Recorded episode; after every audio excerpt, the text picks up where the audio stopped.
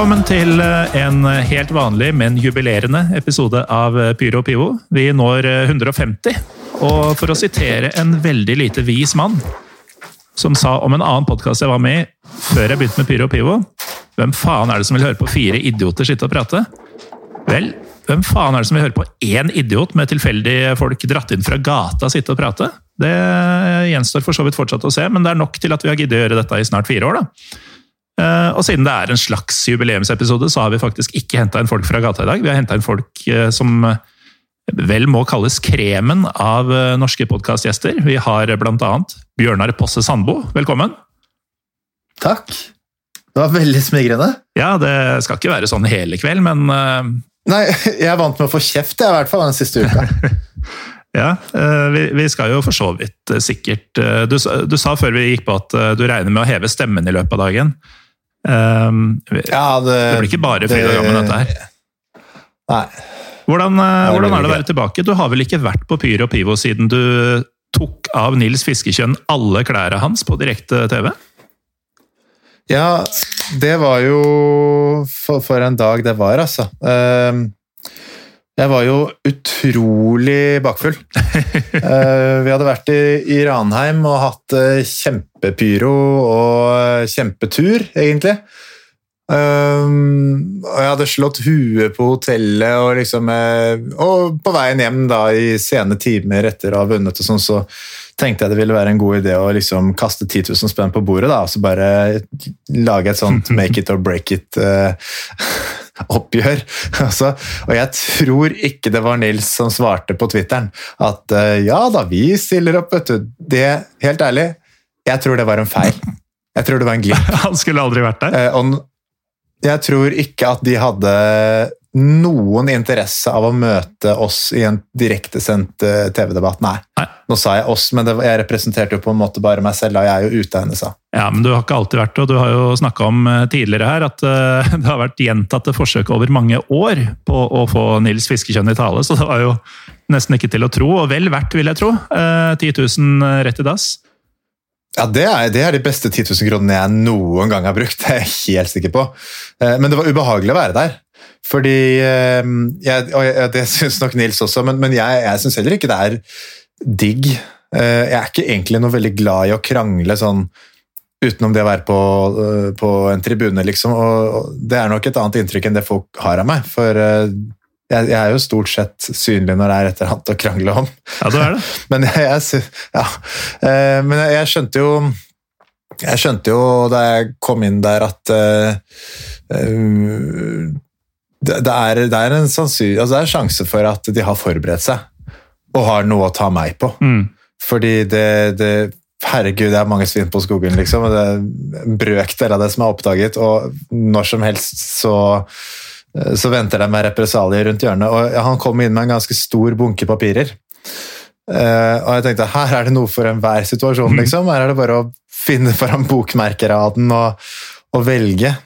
Eh, men så, så var han ikke Han var ikke så klar, altså. Det var ikke noe særlig nytt. Og, og så var det jo en utvikling den dagen eh, med med noen e-poster som hadde lekket fra disse møtene og sånn, som eh, vi akkurat hadde fått bekrefta at var reelle. Altså akkurat rett før dere skulle på, omtrent? Typ sånn to timer før vi skulle Mm. på. Altså det var jo ekstra, altså for Jeg måtte jo vurdere om jeg skulle stille han til veggs for det, eller om, eh, eller om vi risikerte at det var et blindspor. At vi på en måte bare søla til hele greia. For Noe av utfordringen med å argumentere for å bruke pyro og sånn, er jo at man må sette det hele i et, et gigantisk kontekst. Mm. Hvor, hvor veldig mange ting henger sammen.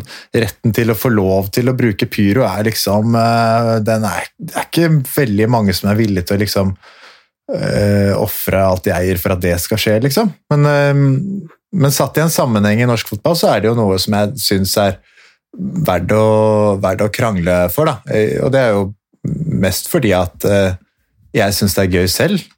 Eh, og jeg vet at alle andre, eller alle andre, alle de jeg kjenner som jeg er på kamp med, syns også det er ålreit. Da får jeg heller være han som liksom sitter på TV og maser om pyro hele tida, da. Ja, det får det være. Så det var, ja, men det ble jo, det ble jo en uh, vond uh, seanse. Jeg fikk jo vondt av Nils også. Han er, han er jo uh, Han ønsket nok ikke å være der. Og jeg tror ikke jeg, jeg, vet ikke hvem andre de skulle sendt, liksom, men han, jo, han har jo vært involvert, da. Og han er en byråkrat som ikke forter seg på en måte, når det er eh, noe vi ville ha gjort. Og jeg syns jo ikke at de har forta seg i etterkant heller. De ba om tid. De brukte et halvt år på å lage et slags dokument. Eh, rett før koronautbruddet kom, så fikk jeg en mail fra en av den arbeidsgruppa som lurte på om jeg kunne hjelpe dem med å eh, med noen klassifiseringer og sånn, og da var, var, de tilbake på å bruke uh, fyrverkeriklassene. Mm som sender oss ut i et helt annet eh, nettverk av regler, fordi dette er på en måte en, en forbudt klasse som kun er åpen i løpet av noen få dager rundt nyttår, og, og ville på, det ville vært et gedigent blindspor, liksom. Dette var arbeid som jeg gjorde i 2016, så vi ble satt minst fire år tilbake i tid av det fjoråret. Ja. Og det er derfor jeg på en måte aldri klarer å la det ligge, fordi det er så eh, den taktikken som de hadde, da vi, vi, Det er jo hevet over enhver rimelig tvil at uh, eh, NFF eh, ønsket at DSB skulle sette foten ned. Og det gjør de ved å, uh, ved å skremme og ved å sørge for at de riktige personene går og trykker på de riktige knappene, og ved å vise alvorlige bilder på et seminar som det tar lang tid, og det er kjempevanskelig og kanskje i noen tilfeller umulig å tilbakevise i hvert fall effekten av disse bildene så er jo dette brannfolk som er tilknytta DSB også, som går til dem og sier at jaså, så det er dette, dette vi driver med, liksom. Og så roter jo DSB det veldig til. Eh, de kløna jo til strategien sin ved å gå ut før NFF var klare. Og dermed så, så det jo ut som om at alt det vi hadde påstått i Eurosport-sendinga var sant. At det var et, eh, et spill, og at konklusjonen allerede var falt. Mm. Jeg tror ikke egentlig at uh, det var så at de hadde, egentlig hadde konkludert. Jeg tror DSB rota mer enn det de hadde trengt. De begynte å snakke om et regelverk som de ikke klarte å henvise til. Og de ble jo rett og slett busta i å skrive om lovtekst på nettsidene sine for å få det til å passe med det de hadde gått ut og sagt. Det er kjempegraverende, syns jeg. Jeg er nesten litt glad for at de har andre ting å tenke på nå. De er sikkert bedre på på smitteverntiltak og, og, andre samfunnsnyttige ting. For det, det er ganske liksom pussig å være en frilanskameramann med fotball på fritida som leser lovtekst bedre enn DSB. Det er eh, åpenbart at uh, du skulle vært tilbake i studio for lenge siden, for du har helt klart mye på hjertet i dag. Uh, Bjørnar, men uh, Sorry, vi har en gjest, du på mine. Vi har en gjest til som jeg nesten må få introdusert. en mann som faktisk har laget et par memes av deg i løpet av det siste halvåret. Trym ja, det var fint. I hvert fall det siste. Vi, vi kan jo ikke feire rundt episodenummer uten at du er med. Uh, tydeligvis ikke. Takk for, å, takk for, at jeg blir invitert. Altså, uh, greia er jo det at du, du, du, bare sier at nå må jeg være med, og så jeg, starter alltid med at jeg sier nei takk.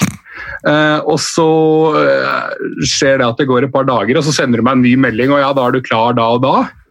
Funker hver gang. Og så går det noen dager, og så, ja, bortimot hver gang. Uh, så her er jeg, og det, det syns jeg selvfølgelig er veldig hyggelig, selv om jeg er litt reservert. Men uh, opplever du meg litt, som litt sånn Molde-aktig i det at du, du, sier nei, og så får jeg det til likevel?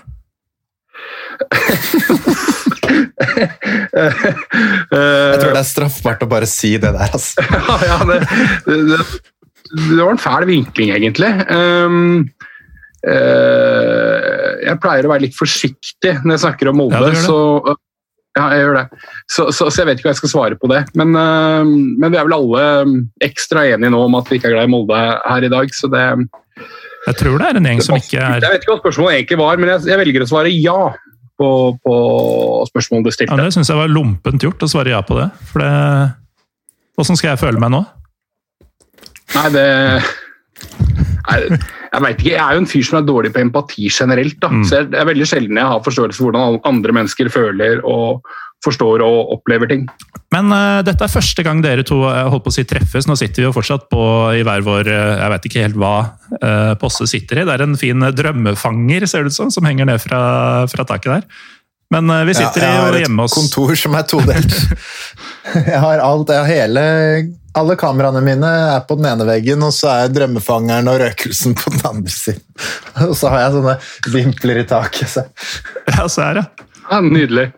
Ja, for, uh, Importert fra Mexico. Dere har vel, så vidt jeg veit, ikke møttes eller prata noe særlig sammen uh, før? Nei, jeg kjenner jo Trym som et, eh, et Twitter-navn. I likhet med veldig mange andre. Jeg, men jeg, det er også fordi at jeg er ekstremt dårlig på ansikter. Og, og, når vi møtes i storfamilien, så er det også veldig mange der jeg ikke kan navnet på. Mm. Så det er all, Nesten alle mennesker er ukjente for meg, egentlig. ja, altså, um, for du, du, du, spurte meg, Morten, ja, har du og Posse dere møtt hverandre før? Og så er det litt sånn ja, ja, det tror jeg ikke. Men greia er at jeg, jeg, jeg, vi vet jo selvfølgelig godt hvem, eh, hvem hverandre er, men, men, jeg er jo sånn ufattelig dårlig på å huske uh, både mennesker jeg har møtt og ansikter og sånt nå. Uh, tidligere, For mange år siden så var jeg jo dørvakt, og da hadde jeg et jævla problem. Jeg var, jeg var en sånn relativt jovial, ok dørvakt. Men jeg huska jo aldri liksom, Jeg bare huska at det, det, det, trynet her har jeg sett før. Men var det faen han som prøver å komme inn nå, var det han som var skikkelig grei og hyggelig i går og tipsa godt i baren og var grei, eller var det han som starta slagsmål og vi rulla rundt på gulvet? Aner ikke. Har ikke kjangs. Så jeg, jeg, er veldig dårlig på det greiene der, sånn, men det er klart det er jo eh, For meg så var jo årets sportsøyeblikk var jo, var jo selvfølgelig ikke sånn direkte noe som skjedde på fotballbanen, men det var jo selvfølgelig da Bjørnar Posse i studio mot Fisketjern. Jeg syns det, det, var et magisk øyeblikk. Eller ikke bare et øyeblikk, men hele, hele sekvensen. Men spesielt da, spesielt da denne gamle generalen er bondefanga og malt inn i et hjørne og møter seg selv i døra. Jeg syns det var et nydelig stykke TV. Så, så det takker jeg, jeg bønnhørlig for. Det var det definitivt. Eh, men eh, Trym, siden du er så god til å slenge dritt i dag, du kaller meg eh, Molde-aktig blant annet. For jeg har Eller jeg kjente jo til Bjørnar Posse Sandbo gjennom veldig velartikulerte uttalelser i mediene, innlegg på fotballsupporter.no og sånn. Og bare antok at dette var en ganske sånn strigla og nypolert type. Og da Posse da ramla inn i studio hos Moderne Media og skulle være med en gang, så fikk jeg jo ja, Bakoversveis er jo ikke riktig uh, uttrykk for en som ikke har hår, men uh, en ekvivalent av det, da. Um, når du nå ser Posse på skjermen der, og at han i tillegg har klart å tre headsettet over disse lokkene sine uh, Hva er din umiddelbare reaksjon? Jeg, hva min reaksjon er på det? Jeg har ikke noen reaksjon på det, men det er vel um, vi, vi... Ikke, ikke, vær så diplomatisk, uh, Trym. Nei, men altså, Jeg har jo ikke så mye jeg skulle ha sagt. Jeg hadde jo, jeg hadde jo dreadlocks uh, i mine yngre dager. Uh, problemet er at dreadlocks i kombinasjon med min lugubre personlighet gjorde at jeg hele tida liksom blei jeg ble liksom fanga i en del situasjoner. da. Uh, så jeg fant ut at jeg orka ikke å, å, å, ha det lenger, pluss at jeg syntes det ble litt varmt, så jeg, så jeg klipte meg. Så viser det seg da i ettertid at uh, det var nok mer personligheten enn hårsveisen som gjorde at mange ikke likte meg. Men det For folk fortsatte å ikke like deg? ja, det var, det var, nettopp, det var nettopp det jeg erfarte. I nesten like stor grad. Uh, så nå, så nå men, men, nå orker jeg ikke lenger. Altså, jeg, jeg har jo hatt jeg har sånn kortklipt hår i, i, lang, lang tid, og greia er at jeg tenker innimellom at liksom, kanskje jeg skulle fått meg en slags sveis igjen, men, men det er den derre mellomlengden, skjønner du hva jeg mener? Har ah, ikke fått koronasveisen engang. Nei, det er nettopp. Den er langt unna. Morten skjønner jo ikke dette her, men, men, jeg orker ikke den mellomlengden. Den der perioden hvor du ikke kan gjøre noe med håret, hvor du liksom ikke kan gre det eller noen ting. Hvor det er sånn ikke kort, men ikke langt heller.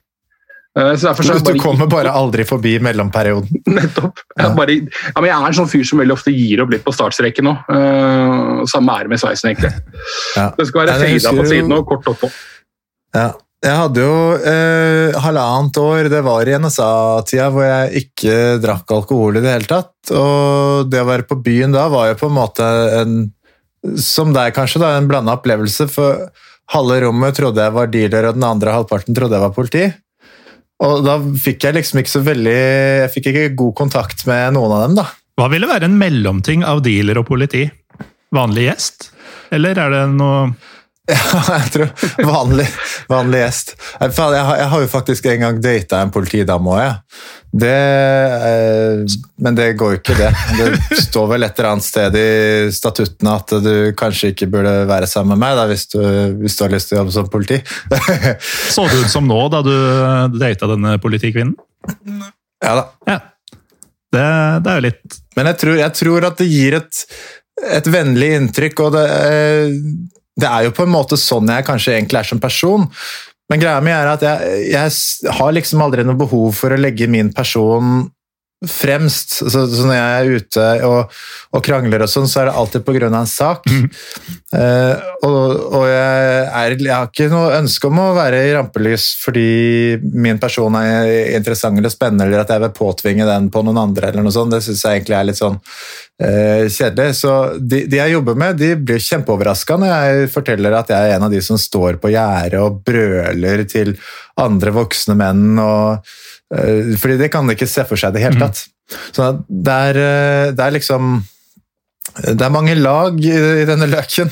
Og eh, en av delene av meg har vært eh, aktiv i fotballen lenge, og det, det, det vil jeg nok eh, for alltid gjøre. Men eh, det er godt å på en måte eh, være mer enn én ting.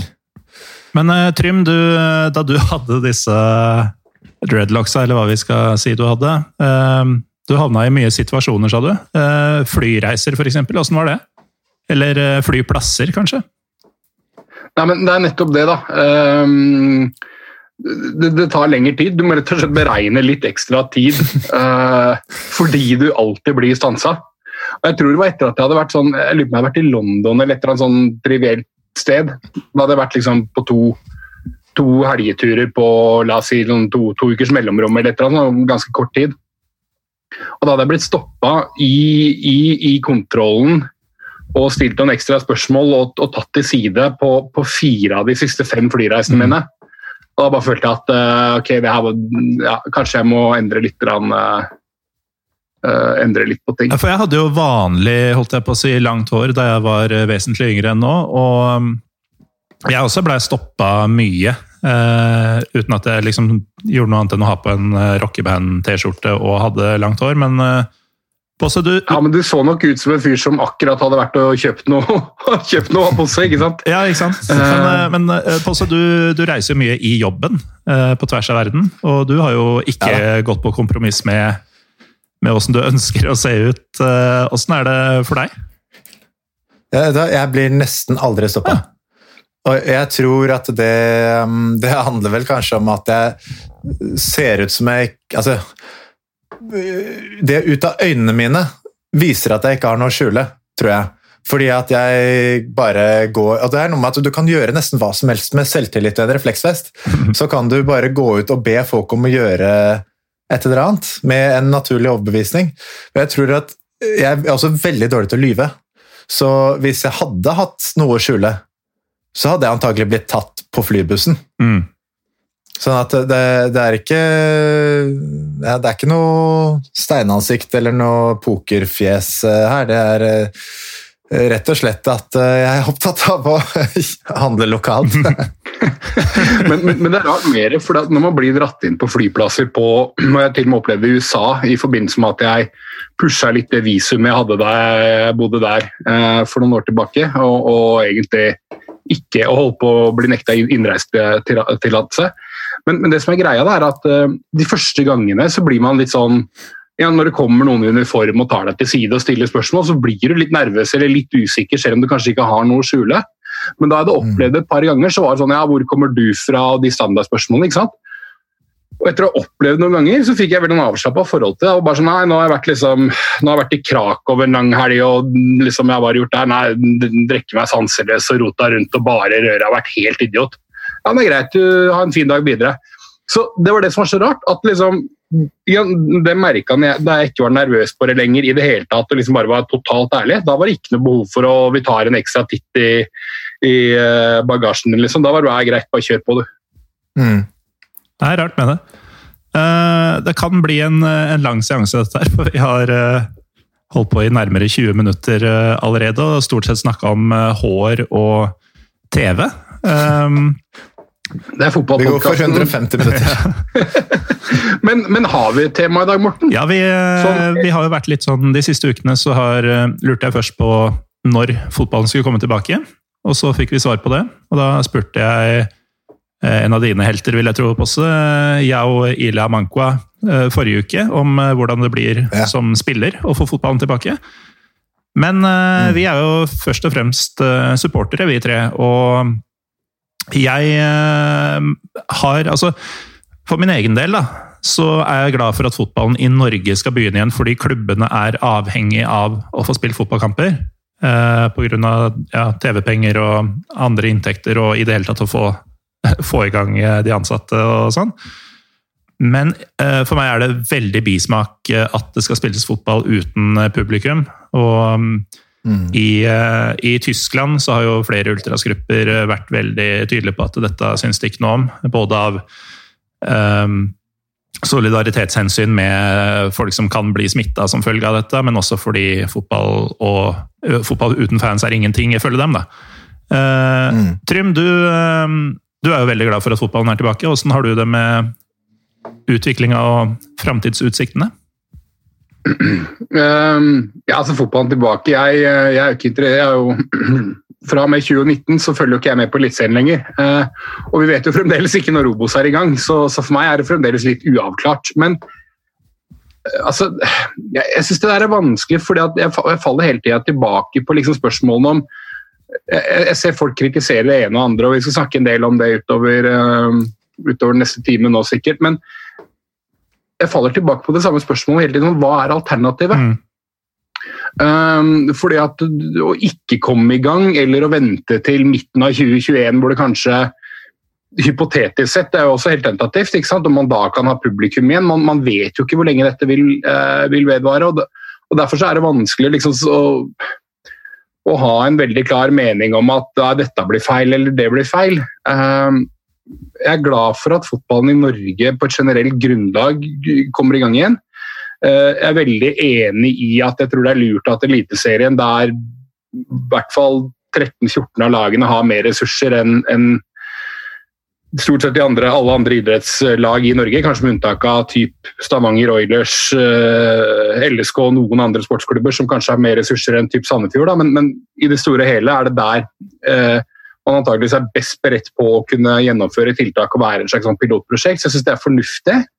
Jeg tror også at det er viktig for folks, um, folks tålmodighet og vilje til å være med på den dugnaden videre, for dette er ikke over.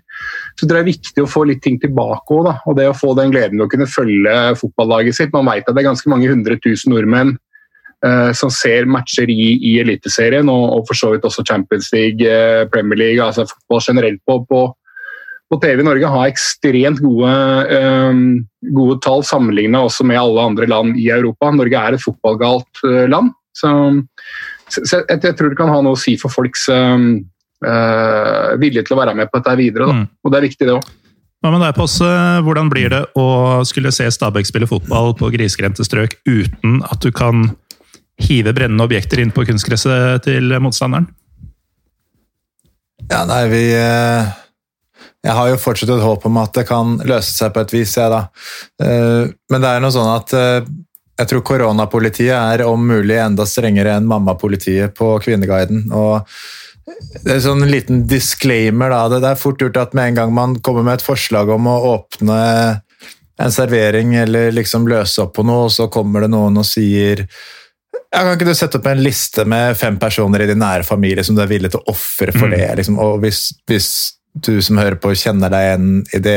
Ikke vær en sånn person. Vi har også slektninger og, eh, og, venner som vi ikke ønsker skal bli syke. Men uh, dette handler om, å, om det å sammenligne, da. Uh, for det vi går på. Og når vi ser at det går an å ha 700 elever som har eksamen samtidig i Valhall, noen av dem har ikke Det er ikke skillevegger overalt. Det er noen som bare sitter fem meter unna hverandre, og, og det er ansett å være helt greit. Og så kan man si ja, skole er viktig. Og ja, eh, skole er antagelig i et samfunnsøkonomisk perspektiv viktigere enn fotball, men det det handler om er jo hvorvidt det er sannsynlig at noen smitter hverandre eller ikke. Og jeg er helt overbevist om at de aller, aller fleste stadionene i Norge kan ta imot tilskuere i en viss grad, på en helt trygg måte. Utfordringen til klubbene nå er at de har jo allerede fått godkjent noe som egentlig er et mye, mye større unntak, som er kontaktsporten fotball. Hvor det gøgges og harkes og knipes og, og svettes. og Det er liksom, det er ekstremt stor smittefare. Det er nesten bare sex som, som smitter eh, mer. Og de er nok så glad for det unntaket at de er litt tilbakeholdne med å pushe for, på publikums vegne. Mm. For publikumsinntekter, med unntak av noen klubber som Rosenborg f.eks., som, som har store billettinntekter det, det er ikke en avgjørende del av inntektsgrunnlaget.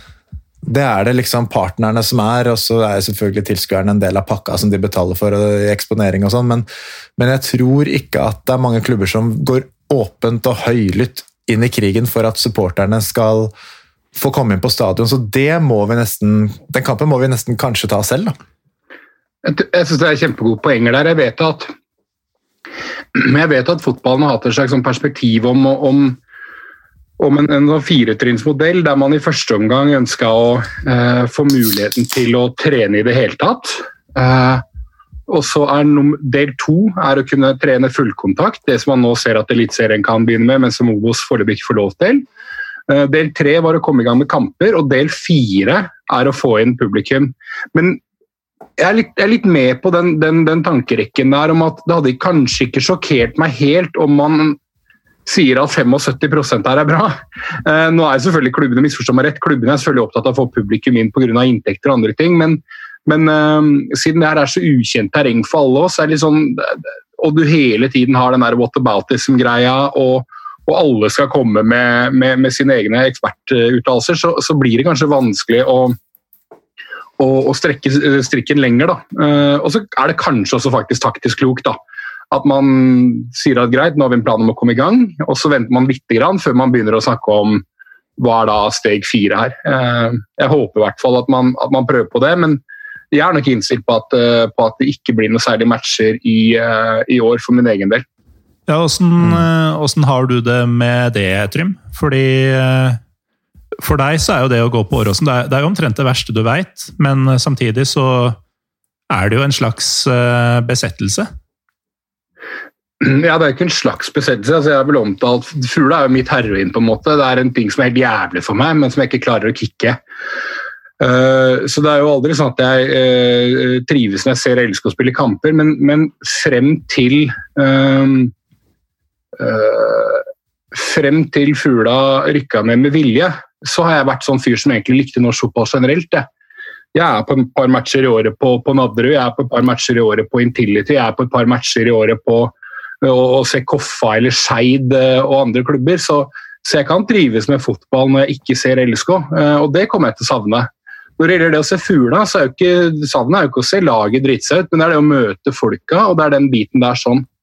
Eh, Og derfor så altså Kameratskap og alt det rundt, og der, derfor så er jeg litt sånn jeg er litt skeptisk til Hvis vi, hvis vi snakker om del fire her igjen, da, det å få publikum tilbake på, på kampene så er det jo mange som snakker om en sånn mellomløsning. Ja, men hva hvis vi kan få inn 500 tilskuere?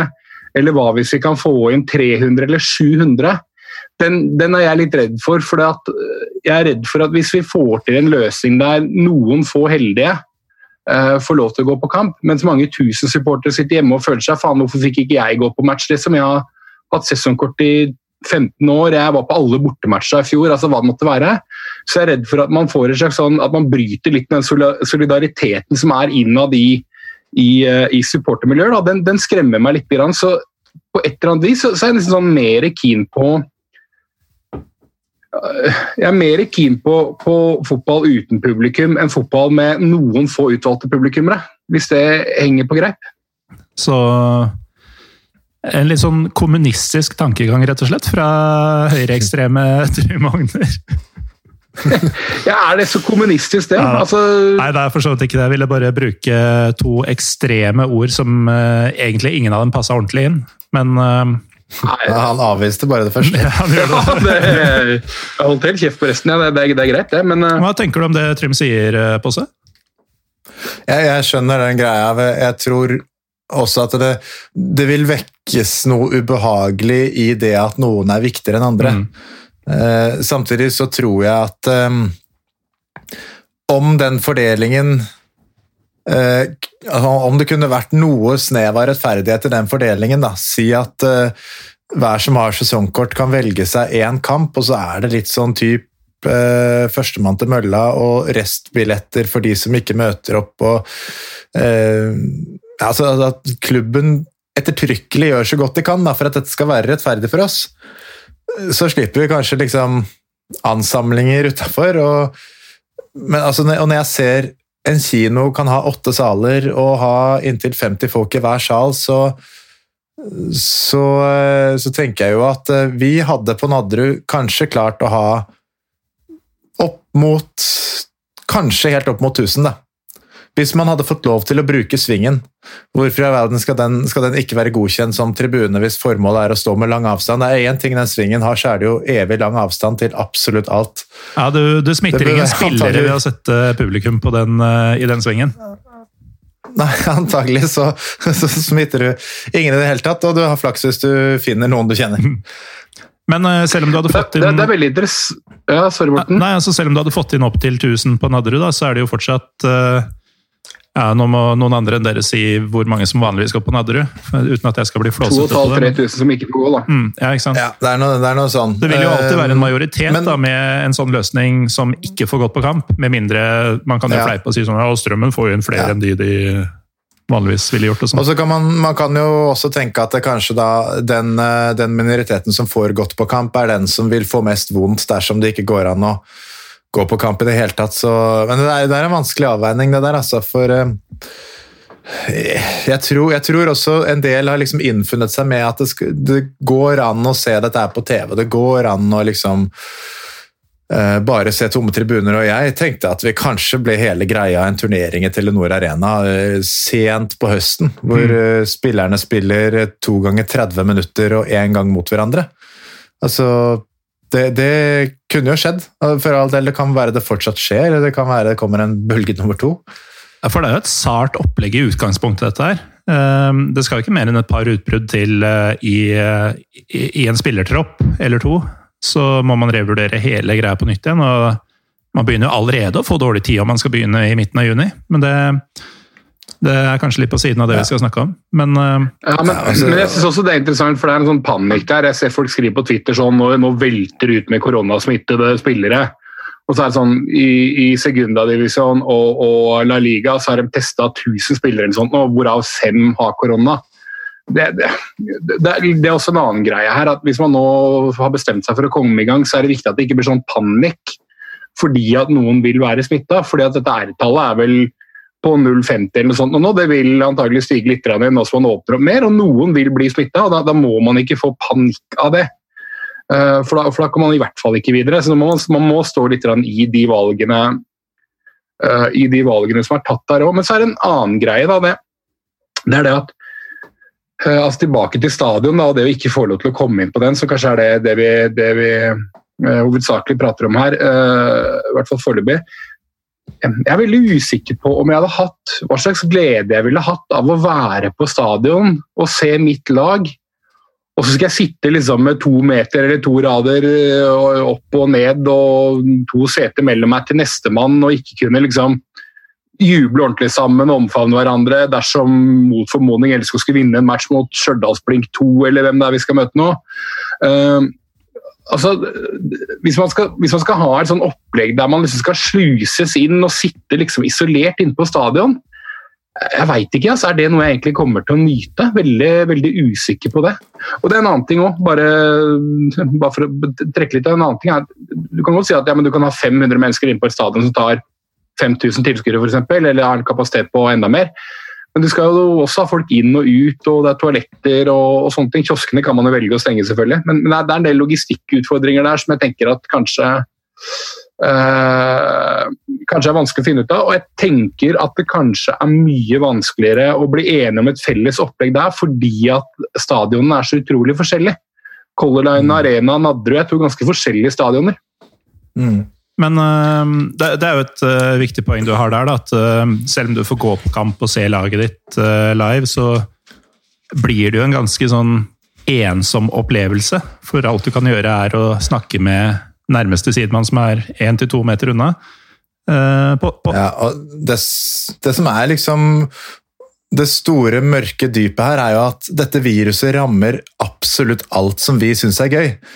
Det rammer borteturene våre, og det rammer supporterkulturen og det, det å stå tett på tribunen og det å sitte på pub og drikke.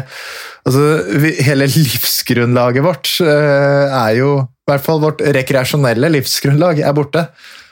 Uh, og så i tillegg forsvinner arbeidet og, og sånn. Og det uh, Tanken på at pub og sånn klengebortetur kanskje er noe av det siste vi får tilbake, det er helt ubegripelig deprimerende å tenke på. Ja, det er helt jævlig å, å ta med reising også i samme, samme moment der. At uh, det, det, å ja. Jeg har foreløpig gått glipp av fire utenlandsreiser. Trym, du og jeg skulle jo til både Berlin og Romania sammen. Uh, mm. Og det er jo ingen lys i enden av tunnelen der. Altså Folk går rundt og drømmer om at de kanskje skal få dra til Syden i juli. Uh, til dere det gjelder, så bare, bare, legg fra dere den med en gang. Det kommer ikke til å skje. Og det, det å sitte, da, for, for sånne som oss, uh, nevnte tidligere på oss at du reiser jo mye i jobben også. Uh, antagelig en del på fritiden, vil jeg tro. Men at Ja, det er ikke så mye fritid igjen. Jeg reiser mest med jobben, altså, og det, det har jo selvfølgelig stoppa helt opp. Ja, men, at, men, at, tre stykker som oss ikke kan gå på fotballkamper, ikke kan gå på puben på den måten vi ønsker å gå på puben ikke kan uh, utforske verden. Uh, Trym, du har jo dame, jeg vet ikke åssen det er med deg, Posse, men det er andre, andre ja. ting som også begynner å, begynner å, verke litt. Og at det er ja. Altså, det, alt virker så fjernt når man igjen skal kunne bare ja, Det er nesten så en harrytur over grensa begynner å friste ordentlig nå, bare for å høre et annet språk enn norsk. Ja, mm. Selv det er vel for så vidt også forbudt. Men det er klart, ja, det er jo, altså, du, du nevnte min, min samboer. Hun har all sin familie i Italia. Hun er ikke i nærheten av å vite når hun kan besøke dem igjen. ikke sant? Og sånne ting, Jeg skjønner at det er enda, på en måte, enda, mer, altså enda tyngre enn å ikke kunne gå og, og se fotball. Men jeg taler jo, i den grad jeg klarer det, så taler jeg fotballens sak. For det er liksom min, min lidenskap, og det, det mitt liv eh, i stor grad dreier seg rundt. da. Um, og jeg synes Det er veldig interessant det der, det der greiene med, med, som du nevner på, med, for Jeg så du skrev det på Twitter også, dette med kino. ikke sant? Og teoretisk sett så kan du da samle en, en, en haug med fans som sitter i en, en kinosal og ser, uh, og ser på en kamp. Altså, ja, Du kan samle dem på stadion, for å se det på stadions storskjerm. Ja. og Det er jo det store paradokset. at eh, Er det ansett som uh, er det ansett som trygt å ha tilskuere på en tribune dersom kampen går på storskjerm?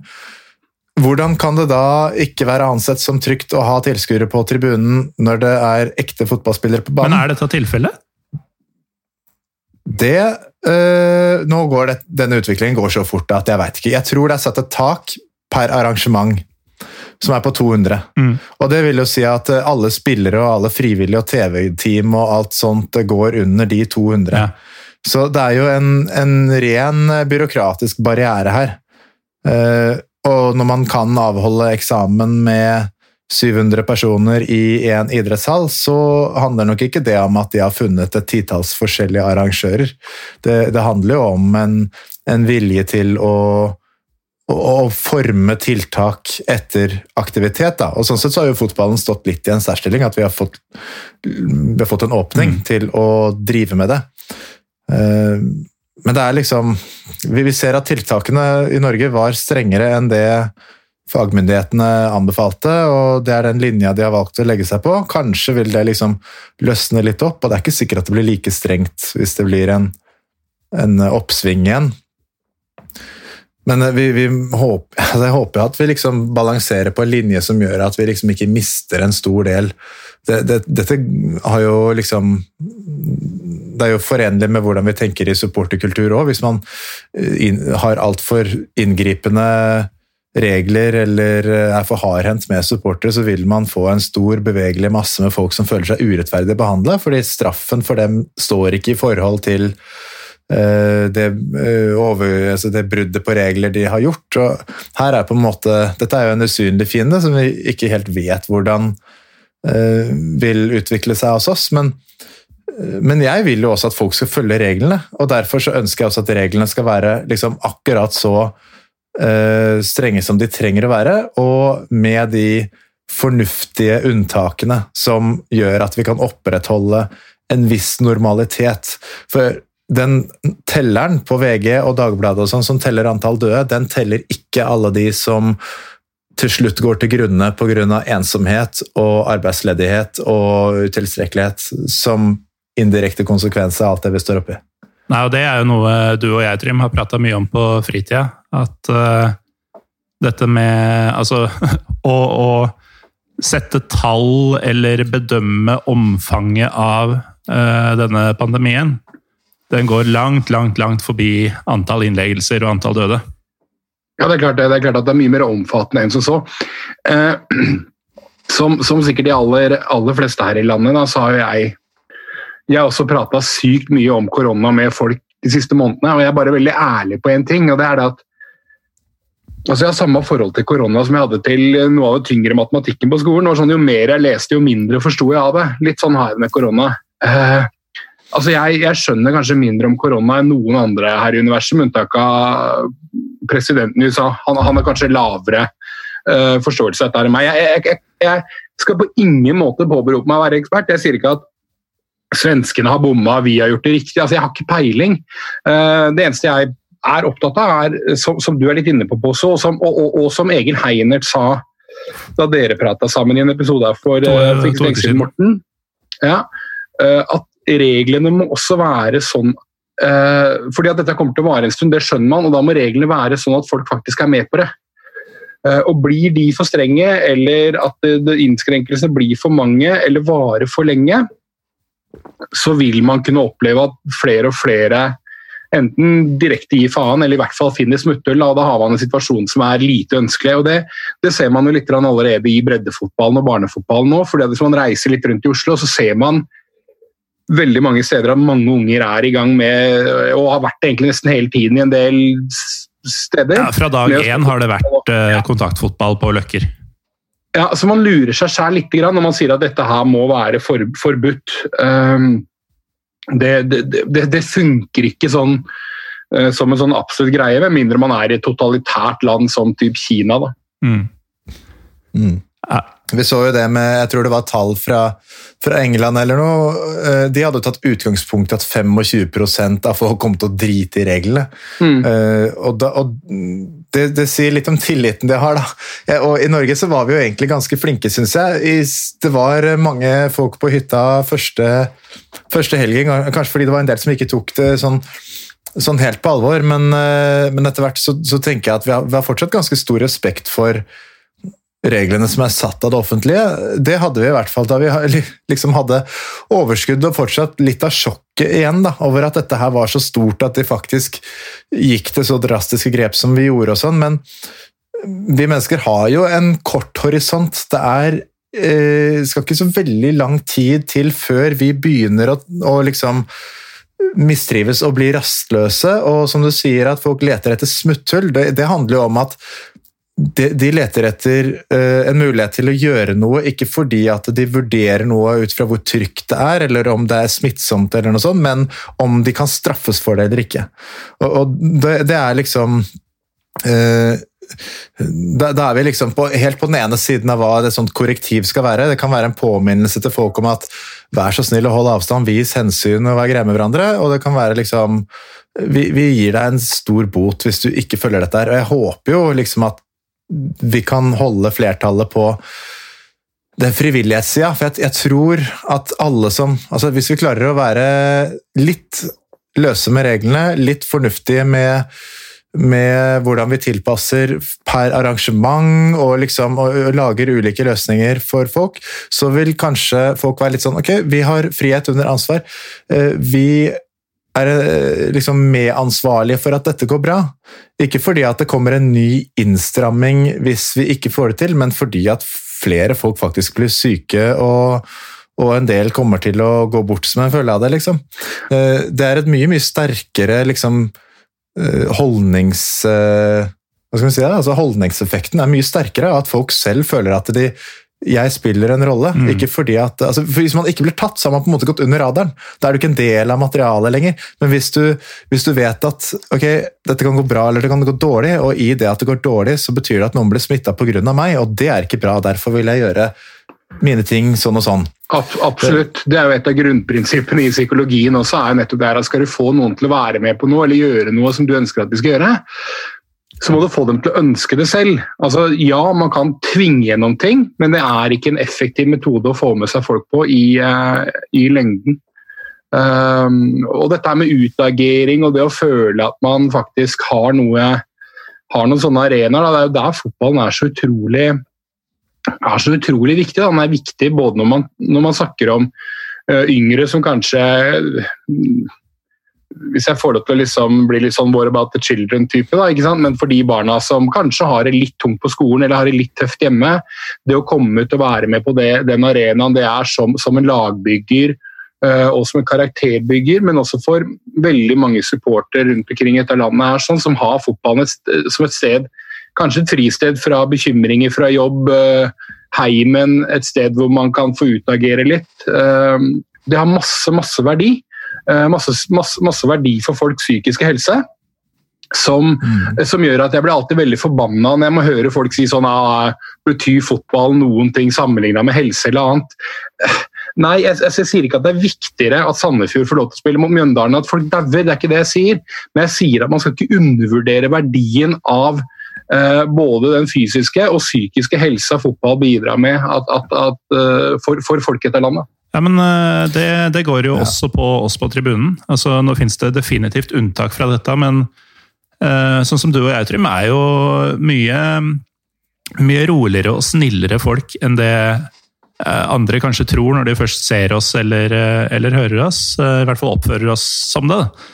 Og, og, jeg tror mye av grunnen, i mitt tilfelle, handler om at jeg får utløp for alt mulig gjennom eh, bl.a. musikken jeg hører på, som jo ofte er ganske rask og sint. Men også det at jeg en, altså enten hver eller annenhver uke kan gå og skrike og hoppe og dunke borti folk og sånn, uten at det eh, er noen fare for verken eh, meg eller dem.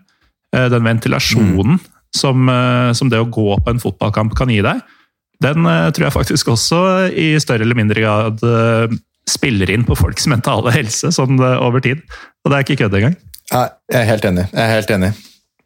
Det, jeg er eh, jo oppriktig bekymra for eh, de langsiktige konsekvensene av å ikke ha den sikkerhetsventilen.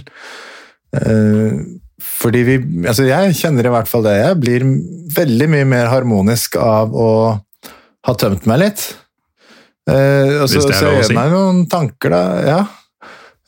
Og jeg, jeg, har gjort meg noen tanker liksom om hva, hva, altså, Hvis vi hadde vært 200 på stadion, da, vil jeg få den samme, eh, det samme utløpet for ting? Altså, antagelig ikke, fordi jeg trenger jo liksom massene, altså den lille klumpen vår, eller jeg trenger å kjenne at uh, det, det, liksom uh, er en energi der, da, og, og at uh, Jeg føler ikke at jeg kan stå og skjelle ut folk sånn veldig hardt. Uh, som fjerdemann eller linjemann eller spillere hvis det er to meter til alle rundt meg, og alle liksom kan høre hva jeg sier. Mm. Så det, det, blir jo Jeg vet ikke helt hvor jeg skal ta ut ting. Jeg, altså, jeg, jeg har trent, mm, trent masse. Jeg har trent kampsport. Jeg hater å slåss, men jeg gjorde det fordi det var gøy og bra. Sånn. det er litt teit å si, kanskje. Jeg syns det var gøy å slåss med polakker uten at det gikk helt gærent. Da. Uh, da kunne jeg liksom Da kunne jeg liksom bare peke på den største personen i rommet og bare får man heller tappe ut hvis det liksom går for gærent. Men uh, Ja, men Som et alternativ Ja, altså, til å havne i et fast, faktisk uh, ukontrollert basketak med en uh, polakk du ikke veit hvor du har, så slik, slik som ofte er eh, liksom avslutninger på en god kveld på Onkel Blå, da. Eh, torsdag, fredag, lørdag. Så jeg, jeg har eh, Jeg nevnte det jo så vidt for deg eh, før sendinga at eh, jeg prøver å tenke litt sånn hva, hva, hva er det vi supportere kan gjøre, da, sånn uh, i vår uh, atferd, liksom. Uh, som er Så vi gjør jo en hel del ting som er smittefremmende. Uh, og så er det kanskje en del ting vi kan gjøre som, som kan begrense smitten. Altså, jeg har liksom, ja, jeg har prøvd å lage en sånn liten spalte om det. da. Jeg vet ikke om det jeg vet ikke om det er tiden for det, eller det, det høres ut som du har bestemt at Er det er tiden for det. Og Nei, det- Jeg, jeg er veldig glad i spalter, så jeg, jeg vil gjerne høre den. altså. Ja, nei, altså, jeg tror eh, ikke vi har hatt en spalte i Pyro Pivo siden eh, Nils Henrik Smiths uh, såkalt korte epistel om eh, Leipzig-fotballens historie. Uh, Og det er to år siden nå, så vær så god, kjør en spalte, Posse. Ja.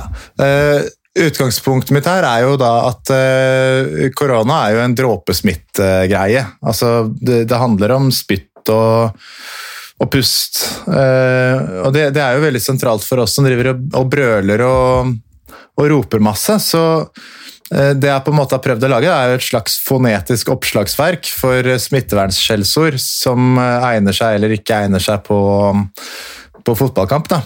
Altså ting du kan skrike på fotballkamper uten å spraye folk i nakken? Eller Ja, men man kan være Dette handler jo om eh, om eh, liksom artikulatorisk fonetikk. Da. det er jo supportere interessert i. Ja. Hvordan, hvordan lyd dannes i halsen og munnhulen og ganen. Og, sånn at det, det jeg har vurdert her, er jo ikke hvilke uttrykk som er mest velegnet sånn innholdsmessig, men, men bare sånn hvilket ord som gir antatt best og verst smittevern, da. Så, og så overførte hvor sannsynlig jeg anslår det til at dråpesmitte vil forlate kroppen, og i hvilken grad det liksom slynges ut fra, fra kroppen. Så jeg, jeg prøvde liksom lage tre varianter eh, på hver sin, i hver sin side av skalaen. da. Og hvilket profesjonell, eh, profesjonelt grunnlag har du for å utarbeide denne spalten? Nei, altså Jeg googla hva eh, artikulatorisk fonetikk var, og fant ut at det stemte sånn omtrent med, med liksom ideen min. da. Så Nei, det er, det er, egentlig, det er egentlig det. det. Det handler om eh, Jeg kan begrunne hvert enkelt eh, ord, kanskje. Ja, vi skal slutte så, å avbryte så gir det litt mer ja, ja, men, ja, men jeg kan det, det, ja, det skal gi litt mening. Men skal jeg bare ta de, de tre jeg anslår å være ganske smittefarlige, da? Smitte farlig. Smittefa ja, nå er det smittefarlige skjellsord. Kanskje du kan liksom synge Jeg tror vi har navnet på eh, episoden. kort, kort Smittefarlige skjellsord. ja. Hvis du kan synge en sånn kort vignett eh, for meg, Morten, så kan jeg liksom lade opp litt. Påsesmitteskjellsord smitte. Smittefarlige ord nummer én. Kukk! Ja, Substantiv. Pelis, penis, fallos. Eh, Det har en skarp konsonant fra bløtvev bak i munnen. En eh, middels leppeåpning, men eh, høyt lufttrykk. Og ordet har også en dobbeltkonsonant med, med svært høyt ladetrykk og kraftig, men en mulig kortvarig utånding til slutt, da, som, vil, som vil bidra til, til en ekstra spredning. ja men den bakre eh, dobbeltkonsonanten er jo som et hark, nesten. Ja, det, det, og der ligger jo de store dråpene. Men de, de er også tunge og faller raskt til bakken, så eh, her, ja, det, her er det fare på både første og tredje rad. Da. Ja. Jeg, kan, eh, jeg kan gå videre til eh, ord nummer to. Rasshøl! Substantiv. Det er et uh, sammensatt ord. En eh, rullende oppstart eh, med en av, våre aller mest åpne vokaler, kun slått av eh, æ, faktisk. Hvesende dobbeltkonsonant med smal åpning og overgang til ny vokal med varm fønvind.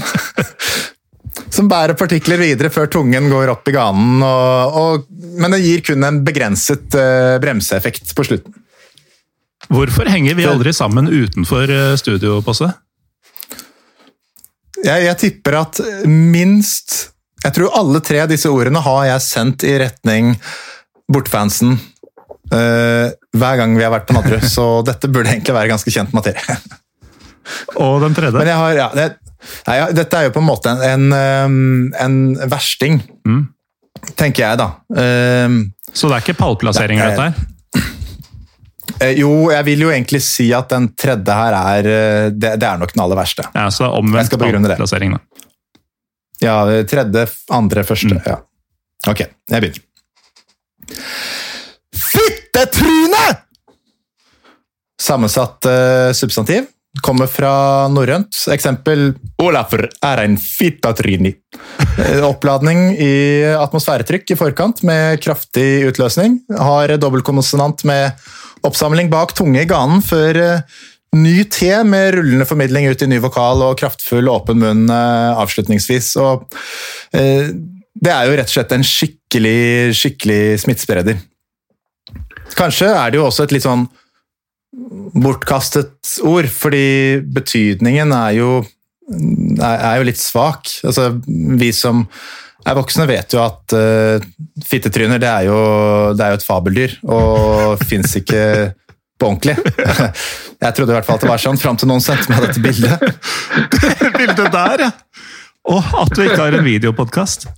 Det, det er så godt at vi ikke har en videopodkast. Ja. det er mulig vi kan linke til det bildet. bildet. podcast forresten i 2020. Unnskyld? Ja, det, det er de neste. Neste 150. Um, en mulig bruk av ordet fittetryne er selvfølgelig ASMR, ASMR, kanskje? Ja. Det, Jo, ja. Hvilke, hvilke av disse ordene ville du slitt mest med å holde deg unna, Morten? Det er Jeg er noe med på logikken hele veien her. Ja, altså. Nei, jeg, jeg er ikke så mye på, på kjønnsorganene, faktisk, på stadion. Men jeg er veldig på rasshøl. Fryktelig, og, og det er sånn eh, romeriksgreie også. Eh, Når, når du snakker med en romeriking, så er det uansett om noen er bra eller dårlig, så er de rasshøl. Eh, Så det er jo en del okay, av dagligtalen. Ja, jo, ja, det, det er sant. Det kan faktisk være et kompliment på Romerike. I motsetning til amatør, som er det verste du kan kalle en romeriking. ja, det, det er mye verre. uh, ja, men jeg tenker at ja, nå, nå er vi i ferd med å knekke koder her. Altså, dette er noe som kunne vært printa på billettene. Vennligst ikke rop ut følgende tre ord. Men da måtte du vært på sånn der, eh, 30-tallsnorsk med, med doble a-er i alle ord og store forbokstaver i substantiver og sånn. Sånn merkantile variant. Råb eh, Ja. vennligst eh, ikke ud eh, følgende. Ja. ja, nei, men det, dette er jo Det er jo tiltak som vi kan være med på å, å gjøre. Jeg, jeg, skal, jeg skal gjøre en innsats og, og, og liksom legge om vokabularet mitt hvis, det har en, eh, hvis jeg kan redde Norge fra korona. Så, så er jeg villig til å, å gjøre det. Og da, da har jeg jo jeg har klart å samle liksom tre ord som er Som kan erstatte disse. He, ja, sånn helt fonetisk eh, er rett og slett er, altså, de, er, de er bedre sånn smittevernsmessig, da, det tror jeg. Nei, men altså, jeg kan jo si med en gang at hvis, ja. hvis jeg både Hvis det er prisen å betale for å Altså, hvis jeg både kan komme inn på stadion og vite at jeg sprer mindre smitte, kun ved å unngå å si kukk, rasshøl og fittetryne, så skulle jeg fått det til. Da, da, da kan vi spesielt kanskje hvis få det er et mer enn alternativ, 1000. da, som du forhåpentligvis kan bidra med, Posse. Ja, men, Ja. men igjen så er vi inne på liksom, det må være regler som folk er med på. Altså, altså, vi må ikke, bli, må ikke bli for frihetsberøvende dette her. Nei, jeg har um, Derfor så Jeg kan- tror jeg jeg det var kult at du høre- holdt til tre. Hadde det Ja. vært fem, da kanskje ikke hadde gått. Nei, det hadde ikke vært mulig. Vi får se om dere føler dere hjemme i de tre neste. Da. Men, jeg er jo selvfølgelig åpen for forslag eh, innenfor eh, FHIs retningslinjer. Eh, jeg, jeg har funnet eh, noen som jeg tror er veldig fine. Skal jeg Ja, vignetten gjelder Melodi, fortsatt.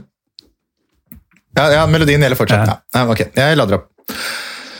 Noob! Av engelsk newbie, nybegynner. U er et eh, svært lite nåløye til vokalet vokale være. Avsluttes med bløt konsonant, men ikke etterfulgt av trykk fra vokal, og dermed så har det jo en svært begrenset eh, spredningseffekt. Mye brukt i e-sport. Det kan jeg se for meg. For, for meg som nylig passerte 30, så veit jeg egentlig ikke helt hva noob betyr. Jeg, da. Du veit at det snart er ti år siden du passerte 30, eller? Nei, det er ikke. Det er et par år siden. Tre par år? Ja. Nei, det er det ikke. ja, okay. Nå må, du, nå må du gi deg. Det er jo faktisk ikke, det er jo ikke greit. å- altså, du må gjerne kalle meg høyreekstrem, altså, men, men, men det der syns jeg um, Hva betyr nubb? Jeg, jeg var seriøs. Jeg veit ikke hva jeg vet, faktisk. Jeg har hørt det, det er ikke det jeg sier, men jeg, bare- jeg veit ikke helt hva det betyr. Det er vel Nei, det er jo forkortelse for ja, newbie. Så det er rett og slett amatør på gamerspråk. Ja, Ja, fy altså, fader, det er det! Så på Romerike Ja, det så kunne det sant. funka. Ja, Faktisk. Ok, red shirt. Ok, greit. ja. Ok, vi, eh, vi går videre. Mongo! Og jeg Ja. Jeg, jeg vet hva dere tenker. Dette er, um, dette er jo ikke noen etikkspalte. Det handler jo handler jo kun om fonetikk. Eh, etikkprofessor Henrik Suses innebygde varsellamper er ikke tent her. Nei. Eh, Nå, jeg veit ikke om uh, om det er et steg sånn supporterne skal ta, nå som, uh, nå som man tross alt prøver å vinne opinionen over i pyrokampen og sånn. Eh, Nei, det, men jeg kommer tilbake til altså, dette, For det første, Rent fonetisk så er det jo myke konsonanter og dobbelt uh, nåløye med vokaler. og En annen fordel er jo at du antagelig blir utestengt med en gang du sier det, og noe som eh, minsker smittefare ja, for det tynner ut numrene. ja, nei, jeg, er veldig med på det, faktisk. Eh, Når det er sagt, etikkspalte i Pyro Piva hadde vært nydelig. Eh, Det er noe du kan tenke på, eh, Morten. Jo, men apropos det, siden vi jubilerer og sikkert kan ta oss litt friheter og prate om folk som hører på og sånn. Han Molde-supporteren som heter Le Krog på Twitter. Oh. ja, ja, ja, men han Ja, ja. foreslo jo Det var vel et spørsmål til Shivads-podkasten, tror jeg. Om eh, podkaster som selv om de har blitt starta av amatører og, og sånn, eh, når de har nådd eh, et visst lyttertall, da, så har de også en viss innflytelse, og bør de da ha en slags Vær varsom-plakat osv. osv. Um, nå kom jeg helt ut av det. Hvor var du, Trym? Jeg vet ikke, men jeg syns det spørsmålet er interessant i seg selv. Jeg bare syns det bryter veldig med Jo, spalten. nei, her. Etikkspalte, ja. Stemmer det. Ja. Kanskje vi eh, skulle hatt med han en gang, og, og lufte litt hva, hva slags etiske retningslinjer bør f.eks. Pyro og Pivo eh, følge? Til tross for at jeg alltid forsøker å takke nei til å være med i Pyro og Pivo, og veldig mye annet jeg blir invitert på, så har jeg jo alltid forsøkt å invitere meg selv inn i settinger der jeg kan sitte og prate med moldensere i podkast eller øh, nett-TV eller hva det måtte være. Men jeg, jeg møter liksom stengte dører gang på gang. da. Mm. Så dersom etikkspalten kan være noe som, som bidrar til å For det er de opptatt av, etikk, eh, moldenserne. Så dersom den spalten kan være med på å åpne dører for meg mot Molde, så, så er jeg veldig med på det. Mm. Men det, det, er- det er fint. Det er bra. Vi, vi, har, eh, vi har et ord til. Akkurat her har jeg ikke noen pallplassering. Jeg er åpen, på, åpen for forslag, altså. Um, Men ja, jeg kan, ta, jeg kan ta det siste ordet jeg har funnet. da. Gjør det. Nerd! Av engelsk nerd. Eh, Det er jo en av de mest uh, smittefrie konsonantene. Uh, Middels vokal med omsluttende kjøtttunnel som samler opp uh, mange partikler. Stum rulling på R, og et Den har jo også et ganske brått fall i atmosfæretrykk etter siste konsonant, så det er jo et ganske solid og, og sikkert ord, da. Men Det er ikke så mye veldig altså- jeg hørte rop på en tribu- fotballtribune. Men jeg merker At at noen er- Nei, det, det er også mye brukt i e-sport, tror jeg. Og jeg, jeg må jo si at jeg, jeg er jo kanskje, jeg er kanskje litt uh, inhabil her. For jeg, jeg vet ikke om dere visste det, men jeg, jeg er ikke noe flink til å vinne konkurranser og sånn. Men en gang så vant jeg faktisk en konkurranse der det var om å gjøre å si ø lengst. Ok. det er du sikkert jævlig god til. Hvem? Du? Ja. Jeg? Nei, altså, jeg, jeg, jeg hadde en god dag. Eh, Nei, det var en, eh, det var en gren på Hvem kan slå mot og kjus. eh, Og jeg slo eh, Jeg slo Kjetil André, jeg slo eh, Lasse, og jeg slo eh, Hva er det Pål Kjærnes han heter fra Turboneger? Som Ja, ja, alle måtte gi tapt for. Men, men er Ja, greia eh, at det krever litt grann utholdenhet og stamina, egentlig? Fordi at du skal være på utpust ganske lenge? Ja, så er det, det handler jo om, eh, som veldig mye annet, å sy, også synge med magen, men samtidig anstrenge seg minst mulig da, for å få, eh, ja, rett og slett en god lyd til pustratio.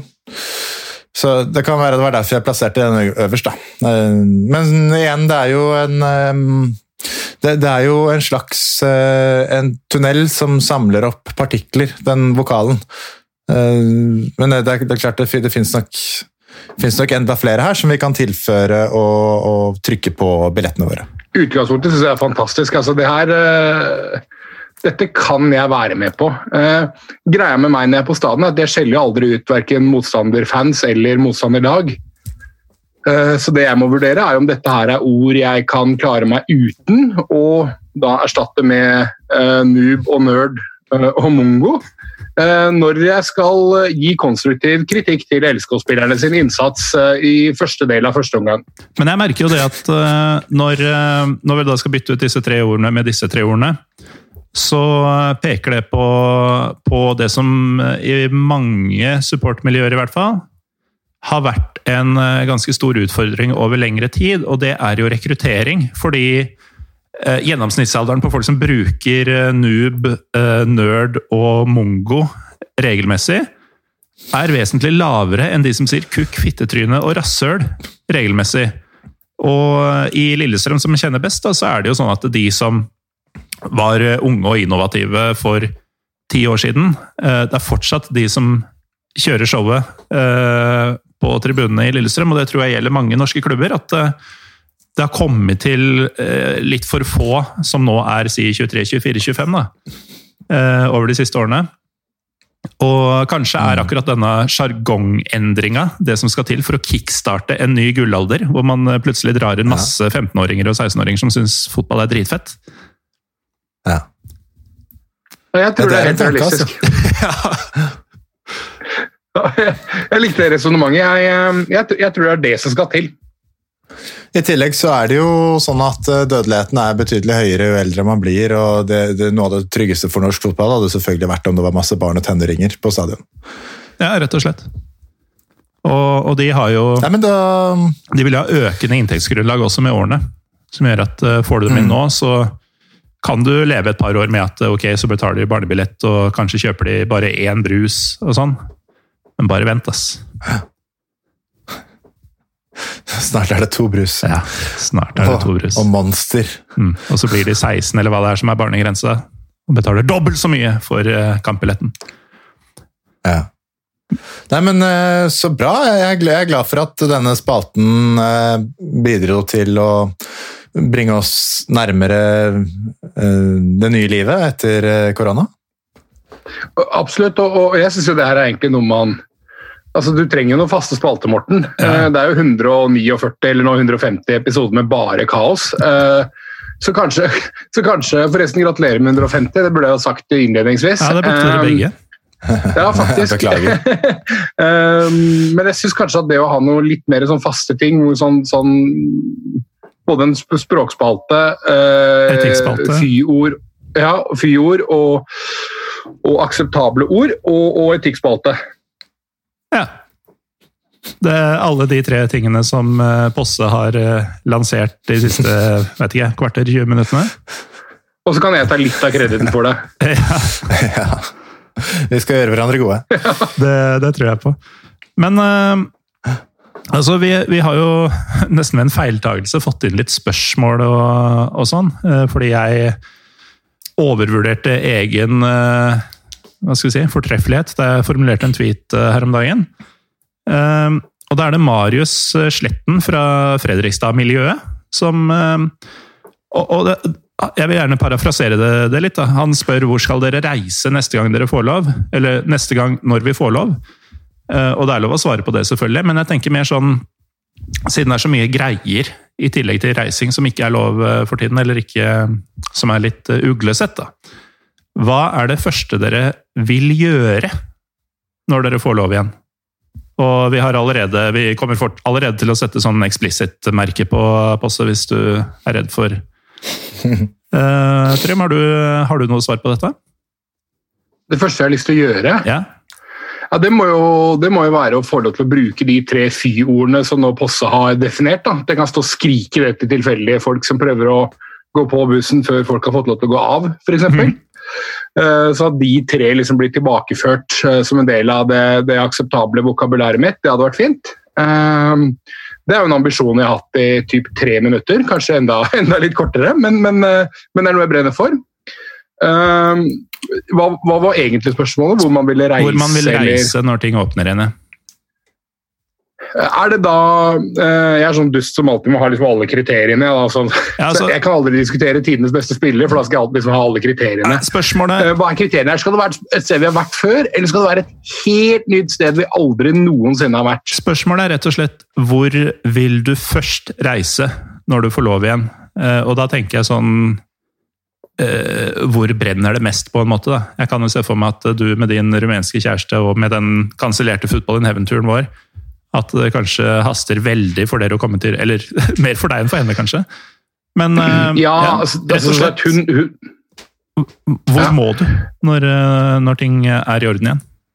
Familiemessig så tror jeg vi må til i, i, Italia etter hvert, fordi at for jeg tror det kommer til å vare såpass lenge at det blir en greie.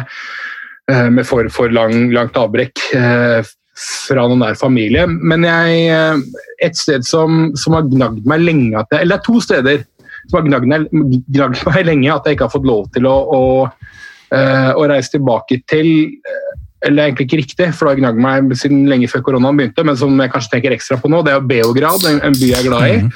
Og så er det selvfølgelig sørstatene, da, der hvor jeg eh, bodde tidligere. Det er klart at Man blir veldig inspirert nå når du ser folk gå på Subway med bazooka og sånne ting. Da, da kjenner jeg at det der savner jeg litt. altså. Var det der du ble høyreekstrem?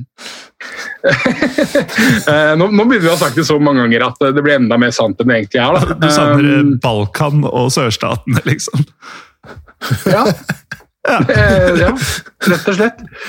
Uh, spesifikt uh, South Carolina og, og, og, Beograd. Altså Beograd er sånn by uh, Den er så skitten og deilig.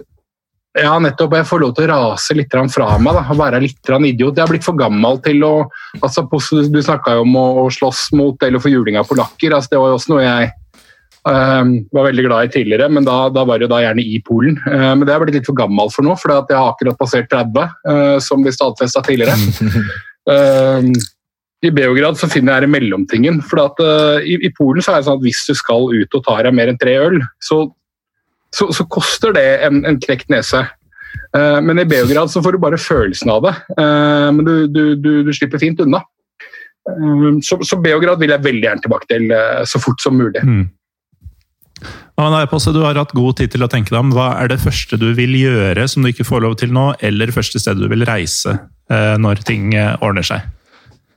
Ja, det opplagte er jo egentlig å reise på en bortetur. Ja. Det er helt samme hvor det er, så lenge det går an å sitte i en buss og ralle litt og um, komme et sted, eh, slynge i seg et par øl til og gå på kamp og ha lang, lang vei hjem og vite at du kommer ikke til å kjenne igjen ditt eget fjes engang når du, når du kommer hjem. Det, jeg, har, jeg har ikke noe spesiell dragning til andre land eller eh, feriemål eller, eh, eller, noe sånt. Og det, det, er nok fordi at jeg, jeg, var jo i Argentina i to måneder i vinter. Mm. Eh, og lagde en produksjon der og har på en måte fått uh, reist litt fra meg. det jeg trenger, er litt sånn innenlandsgreie.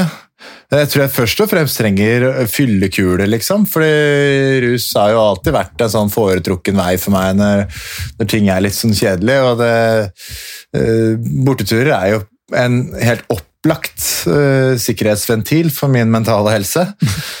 Så det å ikke liksom Ikke få det Det, det er jo Jeg er jo et, en tikkende bombe. Uh, og det, det er liksom Eh, jeg har ikke funnet svar på hvor altså Det er ikke noe substitutt for dette her. Vi var eh, en liten gjeng som satte oss i svingen på Nadderud og tok noen butikkøl der for uh, noen uker siden, og jeg ble helt sånn blank i øya av å bare, bare være der, i det minste.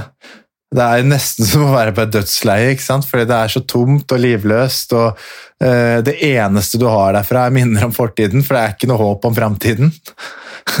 og det, det å, da altså ble det blanda noe rom og cava etter hvert, og da, da mista jeg ryggsekken og ødela Rom og cava, var det det du sa? Ja, Ja, det er visst en, eh, det visst blitt en ting. I Bærum. Eh, Det skal jeg aldri Det, er- det er Bekkestua, det er, det er ikke Romerika. Så Jeg kan fortelle med en gang. ja.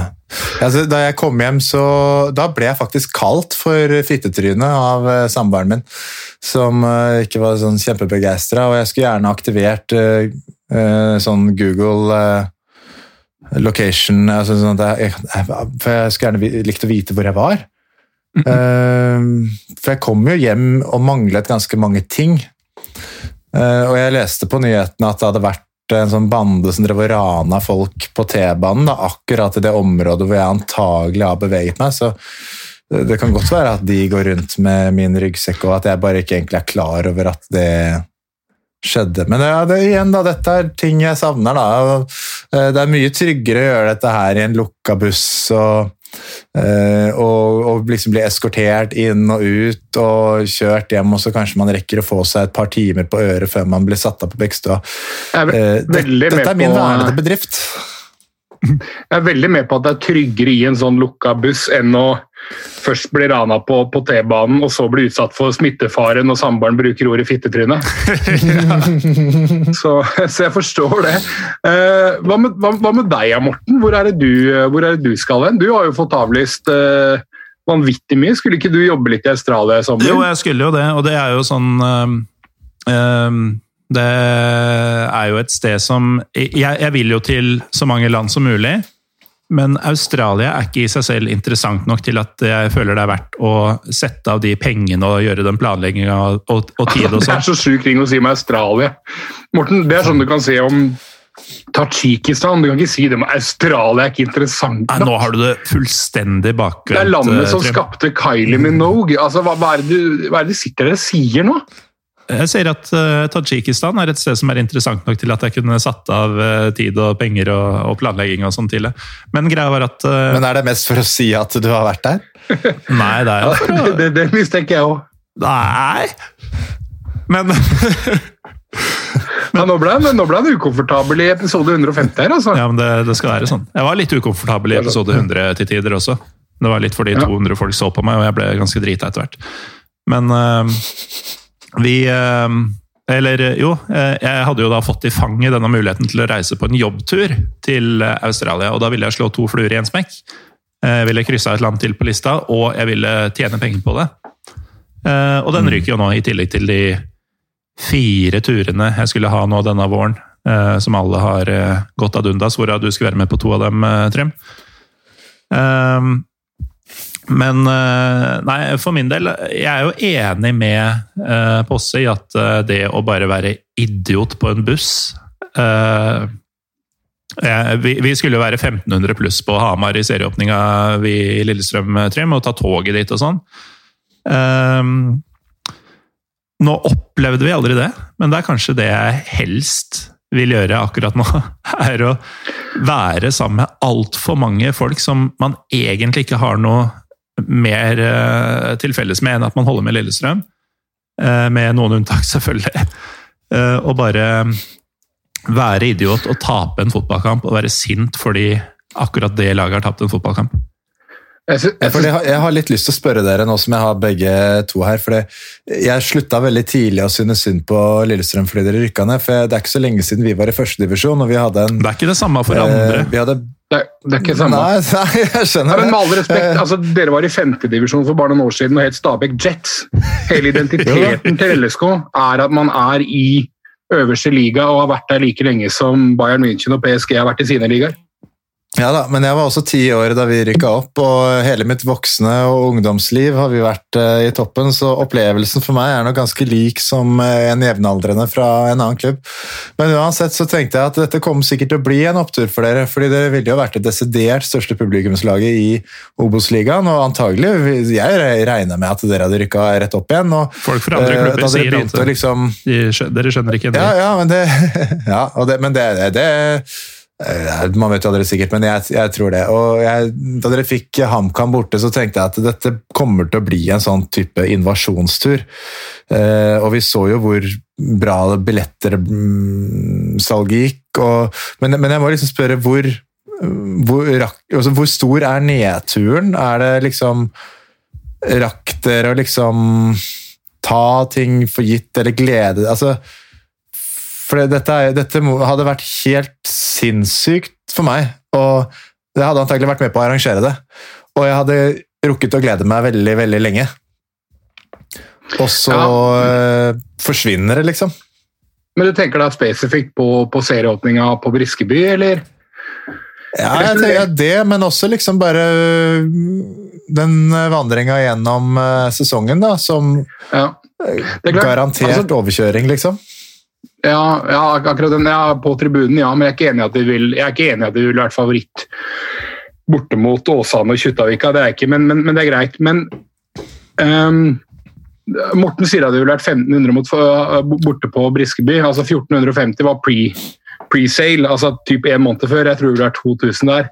Eh, det å dra 2000 på en bortematch som tar over én time hver vei, eh, det tror jeg er ganske unikt i Skandinavia. Jeg sier ikke at det ikke har blitt gjort, men jeg tror det er ganske unikt i Skandinavia på nivå 2. Det ville antageligvis for Fugla og for fuglafamilien vært en, eh, en enorm sånn kickstart på det som selvfølgelig er en nedtur som man må innfinne seg med at man er i. Da. Men det som er så sjukt med LSK, det er det at de, de siste ti åra har du lag i Eliteserien som har rykka ned, altså vært borte i en sesong og rykka opp igjen, som i løpet av ti sesonger har, har, har opptjent flere poeng totalt enn det LSK har. Altså, det sjuke med at LSK rykka ned i 2019, er ikke det at den kampen mot Start var så ellevill, eller at det tok 45 år før man rykka ned. Det sjuke med, eh, med LSK er at man ikke rykka ned i åra mellom 2008 og 2019, for man har fortjent det så sinnssykt mange ganger har man fortjent å rykke ned. Eh, Så når det skjedde, så måtte det skje på et eller annet spektakulært vis. da. Eh, og Det er også grunnen til at til dags dato så har ikke jeg hørt én eneste eh, Lillestrøm-supporter sutre over at eh, Start absolutt ikke skulle ha straffe i første matchen. Eh, Damon Lowe skulle ha rødt kort i andre kampen. Begge de to situasjonene er direkte avgjørende for at Fugla rykker ned. Allikevel så har LSK-supportere på en måte akseptert at den Erik her var så sjukt jævlig fortjent. Er det bittert, er det surt, er det jævlig? Tenker jeg på det hver dag? Ja, absolutt. Har jeg lyst til å rope et av de tre ordene som er forbudt under koronatiden? Definitivt. Um, men når man først er der, så er det noe med å, å, å prøve å, uh, å få til litt av den oppturen. Vi kjenner jo selvfølgelig supportere andre dag som sier det at på mange måter så var det litt gøy i Obos også, fordi at man dro til grisgrendte strøk og ble servert vaffel av mora til kapteinen på det andre laget. liksom Litt den der greia der. Men for disse gikk det bra med en gang. uh, og det da, da er det lett å si Jo, det i ettertid. Jeg, jeg tror ikke Ja, på at, eh, at de faktisk hadde det gøy. Altså at Brann-supportere, når de lå på sjuendeplass etter halvspilt uh, førstedivisjon og tenkte at faen, vi rykker ikke opp Jeg tror ikke på et øyeblikk at de koste seg da de dro til Nardo uh, helga etter. Og, og Nei, det, er, det er mulig. Det er, det, er, altså, klart Alt er jo enklere å si i, uh, i etterkant. Det, sier seg selv, det. Men tilbake til spørsmålet. da, Hvor er det man har mest lyst til å dra? Jeg kan jo fortelle hvor jeg har minst lyst til å dra når korona er over. Ranheim? Ekstra Arenaheim, eh, ekstra arena Ranheim borte. Jeg hadde tenkt meg på, jeg hadde tenkt meg på 27 eller 28 kamper i år, og det er ikke kødd. Eh, Jeg hadde flybilletter til både Åsane og husker jeg faen ikke hva det andre laget i Bergen het engang. Øygarden. Er det Nessotra? Mm. Ja, ok.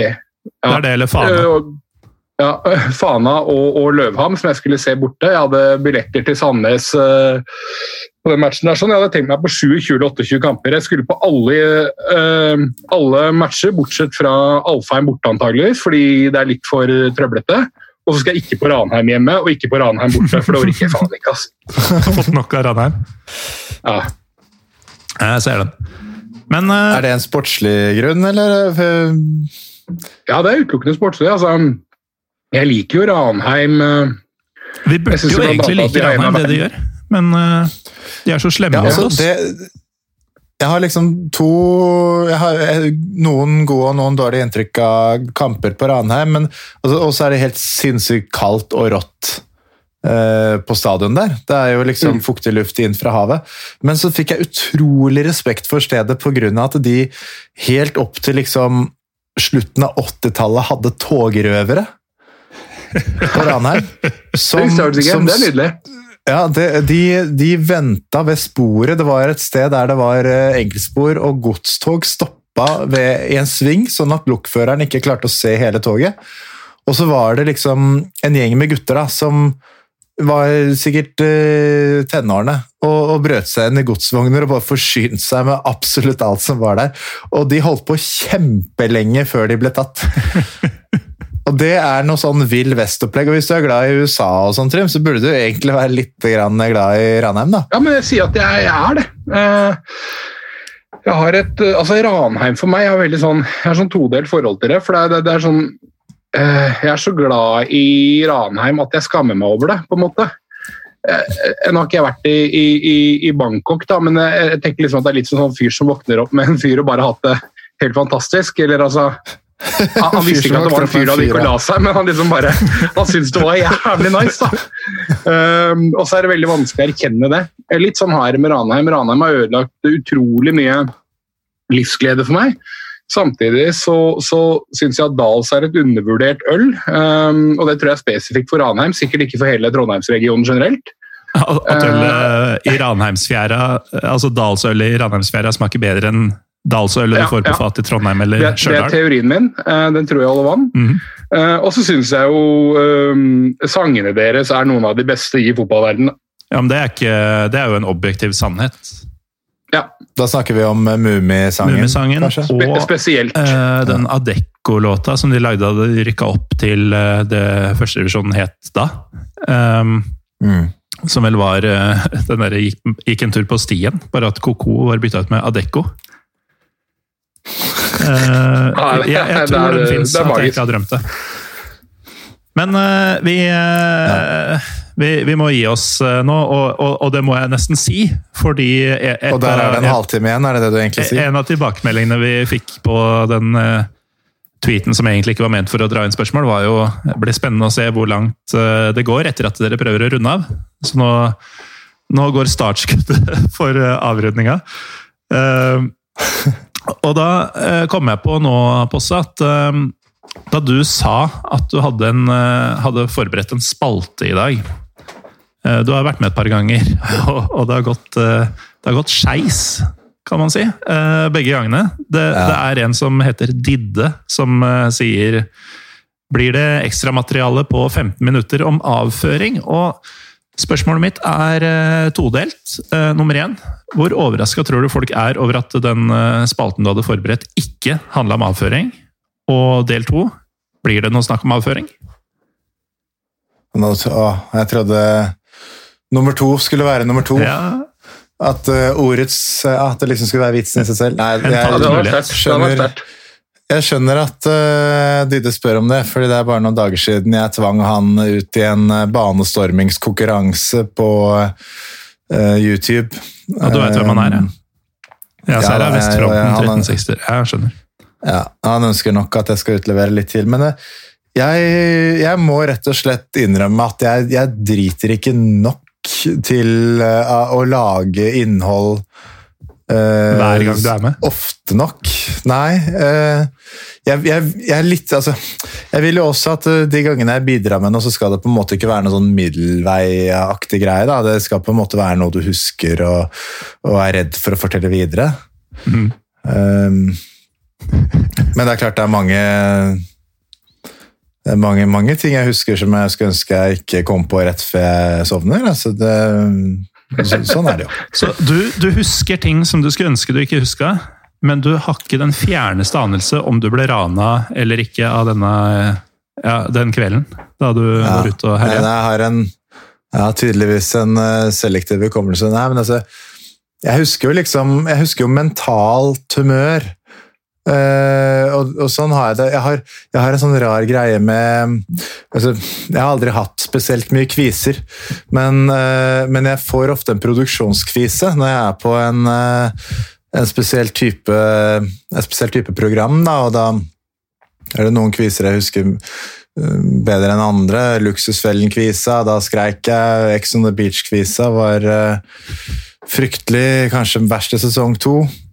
Eh, men jeg husker for ordens skyld så jobber spesielt- Posse som kameramann, uh, er vel riktig? Uh, For Ja. selskaper som produserer mye i ymse retninger. Det, det dere ser i foredlet tilstand, der har jeg måttet stå og se alt, da. Så det er jo også en slags bagasje, på en måte.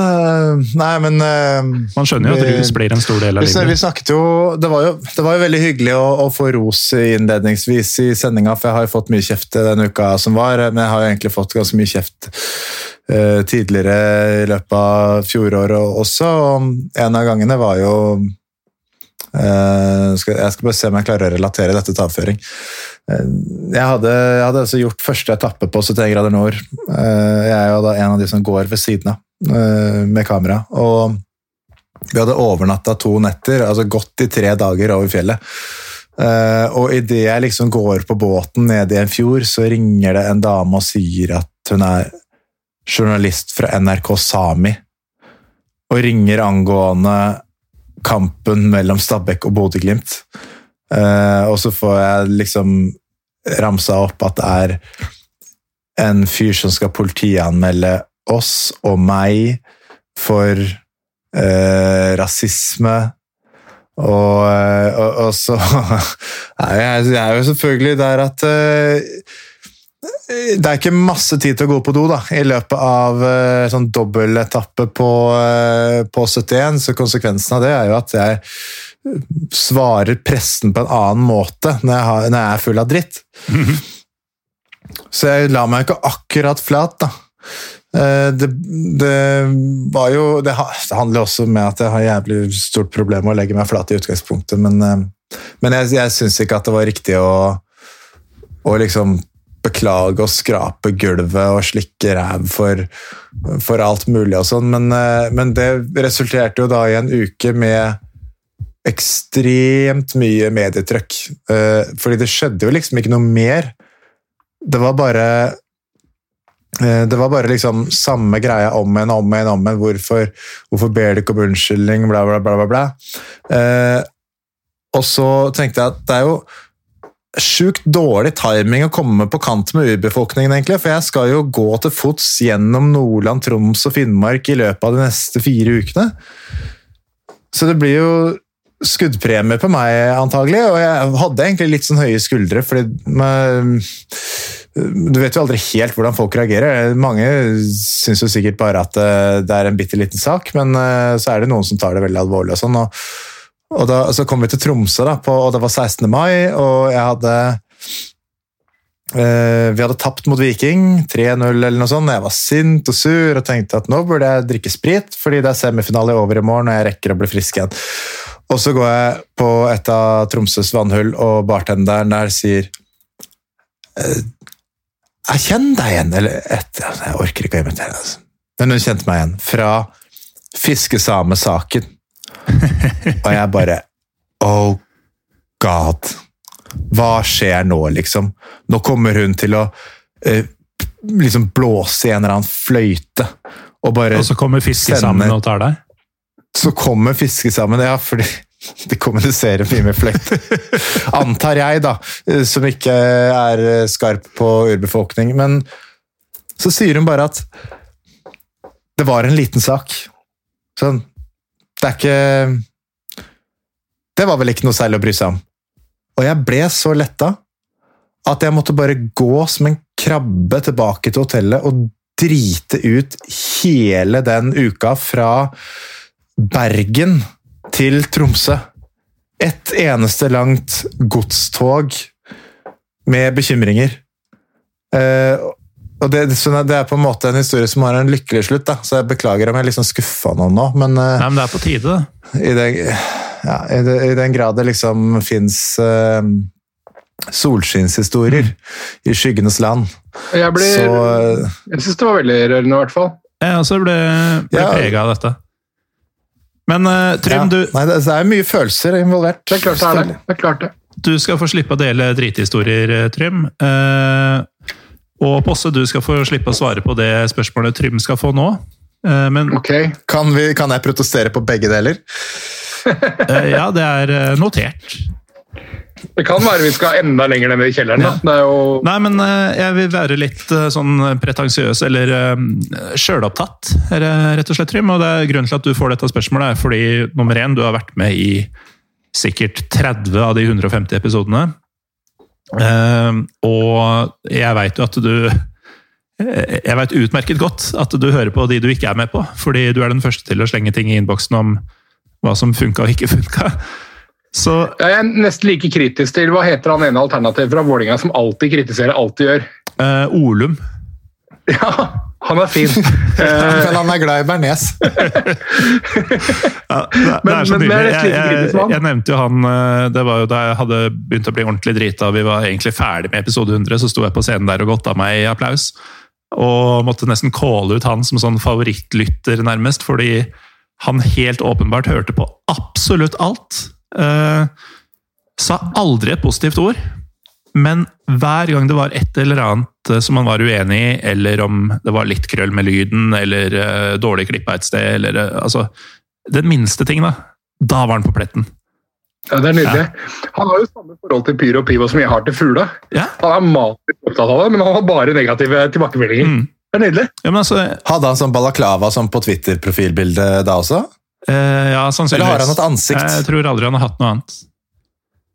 Men uh, han viste seg å være i salen, da. Kom og hilste på etterpå. Uh, fortsatt i samme bane etterpå. Så det ble, det ble ikke noe hyggeligere tone av den grunn. Ja, ja, ja, nydelig. Men eh, Det er ærlig. Altså, jeg, jeg, jeg står jo inne for det jeg skrev. Det var Olum faktisk som kom med råd om hvordan man skulle lage bearnés uten melk, eller, eller, eller et eller annet sånt. Og, og jeg, da måtte jeg liksom si at det, i, i mine, på mine eldre dager, liksom, når jeg tar pressen med inn i et rom hvor jeg har tapetsert veggene med et langt liv, så skal det være masse tweets fra balaklava-kledde ultras og fotballsupportere som diskuterer eh, samferdsel og mat og saus og politikk og eh, For vi er liksom opptatt av de små ting, vi også. Ja, vi er det. Men uh, apropos uh, bearnés uten melk. eh, spørsmålet jeg skulle stille deg, Trym, var um, i, okay. i løpet av de 150 episodene nå, om du, om du har noen liksom ting som har blitt sagt, eller temaer som er vært oppe, eller gjester, eller noe du eh, husker bedre enn annet. Og i det øyeblikket posses av bearnés uten melk, så kan jeg i hvert fall si at et av mine favorittøyeblikk i løpet av 150 episoder, det er da du og jeg og Patrick Veen uh, snakka om VM eh, før VM i 2018, og du eh, var så trist fordi eh, Iniesta skulle spille uten Savi på midtbanen. Og Iniesta uten Savi, det var som O'boy uten melk. Uh, ja, jeg husker, du har sagt det. Uh, pro problemet er at jeg, jeg, jeg, jeg sier jo ting litt sånn uten å, å, å tenke enkelte ganger. Og så, og så reflekterer jeg over det rett etterpå. Og Problemet var at jeg var sånn, litt sånn god, godfull. ikke sant? Man blir det på sier jeg, og så, og så, ja, og så slenger jeg, eh, i hvert fall da vi møttes i studio tidligere, for det var veldig, veldig ofte plommesprit involvert. Og så sier jeg noe, og så bare fortsetter vi litt, og så begynner jeg å reflektere over det jeg har sagt, og så begynner jeg å tenke og se for meg en fyr som faktisk sitter med sånn, sånn avlangt melkeglass og prøver å drikke av Boy. pulver. Eh, Ja, altså rett og slett bare pulveret. Eh, og da mista jeg det litt. Eh, det det har sikkert vært mange gode øyeblikk, eh, Morten, men, men tenker du da på ting jeg har vært med på, eller det, det, Nei, det jeg har hørt av liksom Altså, noe som har skjedd i Pyro Pivo som enten har vært spesielt morsomt, eller spesielt dritt, eller spesielt interessant. Og jeg veit at jeg tar deg litt på senga her nå. Ja, du gjør det, men jeg, tror, jeg er ikke så god på sånn å huske liksom øh, jeg, er, ikke- så god på sånne der detaljer nødvendigvis, da, men jeg kan jo heller, jeg kan jo heller være litt sånn øh, Jeg kan jo heller på en måte fortelle litt om hva jeg liker med Pyro Pivo. da, For jeg husker jo da du snakka om at det her er et konsept du hadde lyst til å kjøre, Morten. Mm. Jeg var jævlig klar på at det her kommer ikke jeg til å gidde å bidra med. Det var veldig, det var veldig liksom sånn Du er en mann for ditt Det- ord. Det skulle du bare ha klart. Ja, nei, jeg er kanskje en av de minst uh, uh, tilregnelige folka du kan, uh, du kan møte som ikke har en diagnose.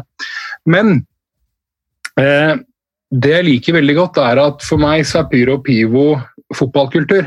Og da snakker jeg ikke bare om liksom det at man prater om hva som skjer på tribunen og den delen av fotballkultur. For meg så er fotballkultur Jeg er veldig, veldig opptatt av eh, av tribuneliv, men for meg så er fotballkultur så innmari mye mer enn det. da. Det, det er liksom hva som skjer i samfunnet for øvrig som kan på et eller annet vis knyttes inn mot fotball. Det er historie som kan knyttes inn mot fotball.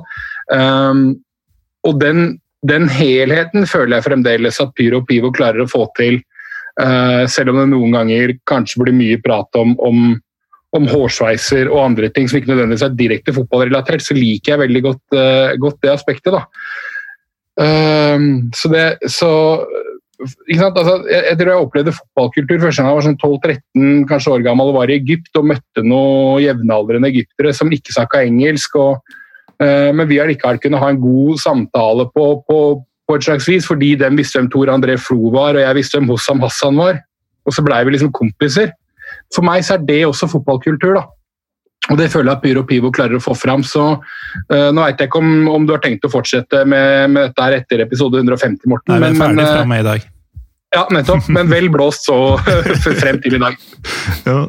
Nei, det, det, er hyggelig at du sier, eh, Trym. Og, og, jeg var jo på Det er helt tilfeldig at det skjedde uh, virkelig, for det skulle egentlig skje for to uker siden, men så skjedde det noe uforutsett.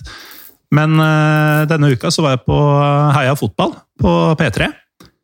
Uh, og det sammenfaller jo da med uh, jubileumsuke 150 da, for Pyro Pivo. Da var et av spørsmåla hva har um, fotball lært deg om verden, eller et eller annet sånn supersvulstig ræl fra, ja, fra Svein Biskår Sunde.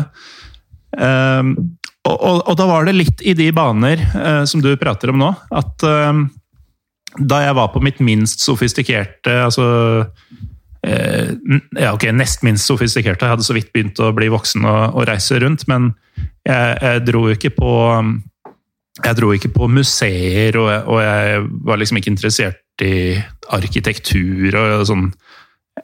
Det, det, jeg opplevde på reiser, det var fotball og fyll, egentlig.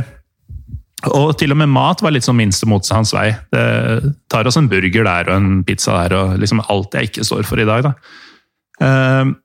Men så ble jeg da beskyldt av folk for å bare reise for fotball. Og så tenkte jeg litt på det, at eh, jo, jeg gjorde for så vidt det, men det å dra på fotball når du er ute og reiser, det gir deg en inngangsportal til det samfunnet du besøker, som du ikke får gjennom å dra på et nasjonalgalleri eller å se hvordan bygningene ser ut, eller noe sånt, fordi du treffer da det tverrsnittet av befolkninga, så alle samfunnslag er der, og du ser dem på sitt råeste. Og du, du blir rett og slett kjent med eh, folk og kulturen der da, på en eh, rett og slett dypere måte enn en mange kanskje tror. Så mm. eh, fotballkultur, eller det å i det hele tatt møte noen gjennom fotball, det gjør at du har et grunnlag for å, for å bli bedre kjent eh, som du nesten ikke får på noen annen måte.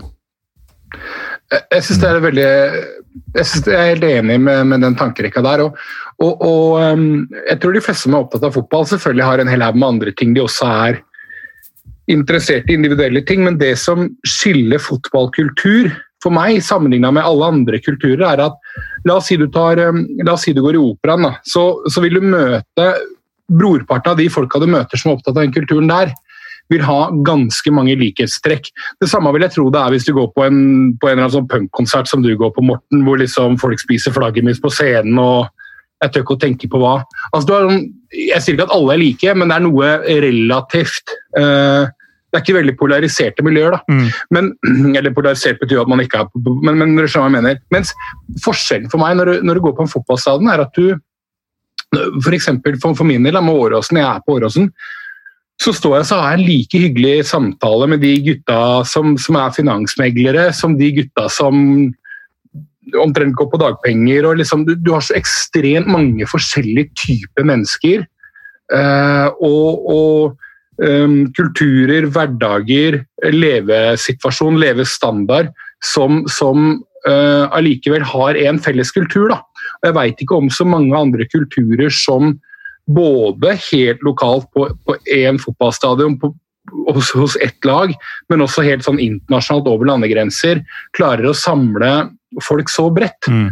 Uh, og det er det jeg syns at det er, det, det er, noe av det jeg syns er uh, så interessant med fotballkultur, og det er kanskje også en av årsakene til at jeg ikke har klart å forlate fotball, da, selv om jeg hater både LSK og i stor grad misliker veldig mye av det den moderne fotballen har blitt så elsker jeg fremdeles fotballkultur. Mm. Er du fortsatt med oss på Ja, dette er, uh, dette er vakkert.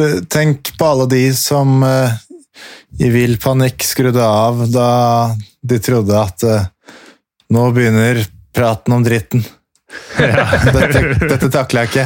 Ja, Og alle dere, tida. kjære lyttere Kjære lyttere med sans for det, det mørke. Nå har vi liksom fått et lite vindu inn i hva fotballen egentlig handler om. Det får være vår lille, vår lille godbit som vi deler i hemmelighet. Etter at eh, Ja, du har sikkert statistikk på dette, Morten, og kan se hvem som, hvem som kutter. Men jeg, jeg er selvfølgelig helt eh, enig i, dere, i det dere sier. Og vi har jo også i vår gjeng en sentralbanksjef som nevnte noe av det samme. At du på stadion så møter du folk uavhengig av deres bagasje. Nettopp.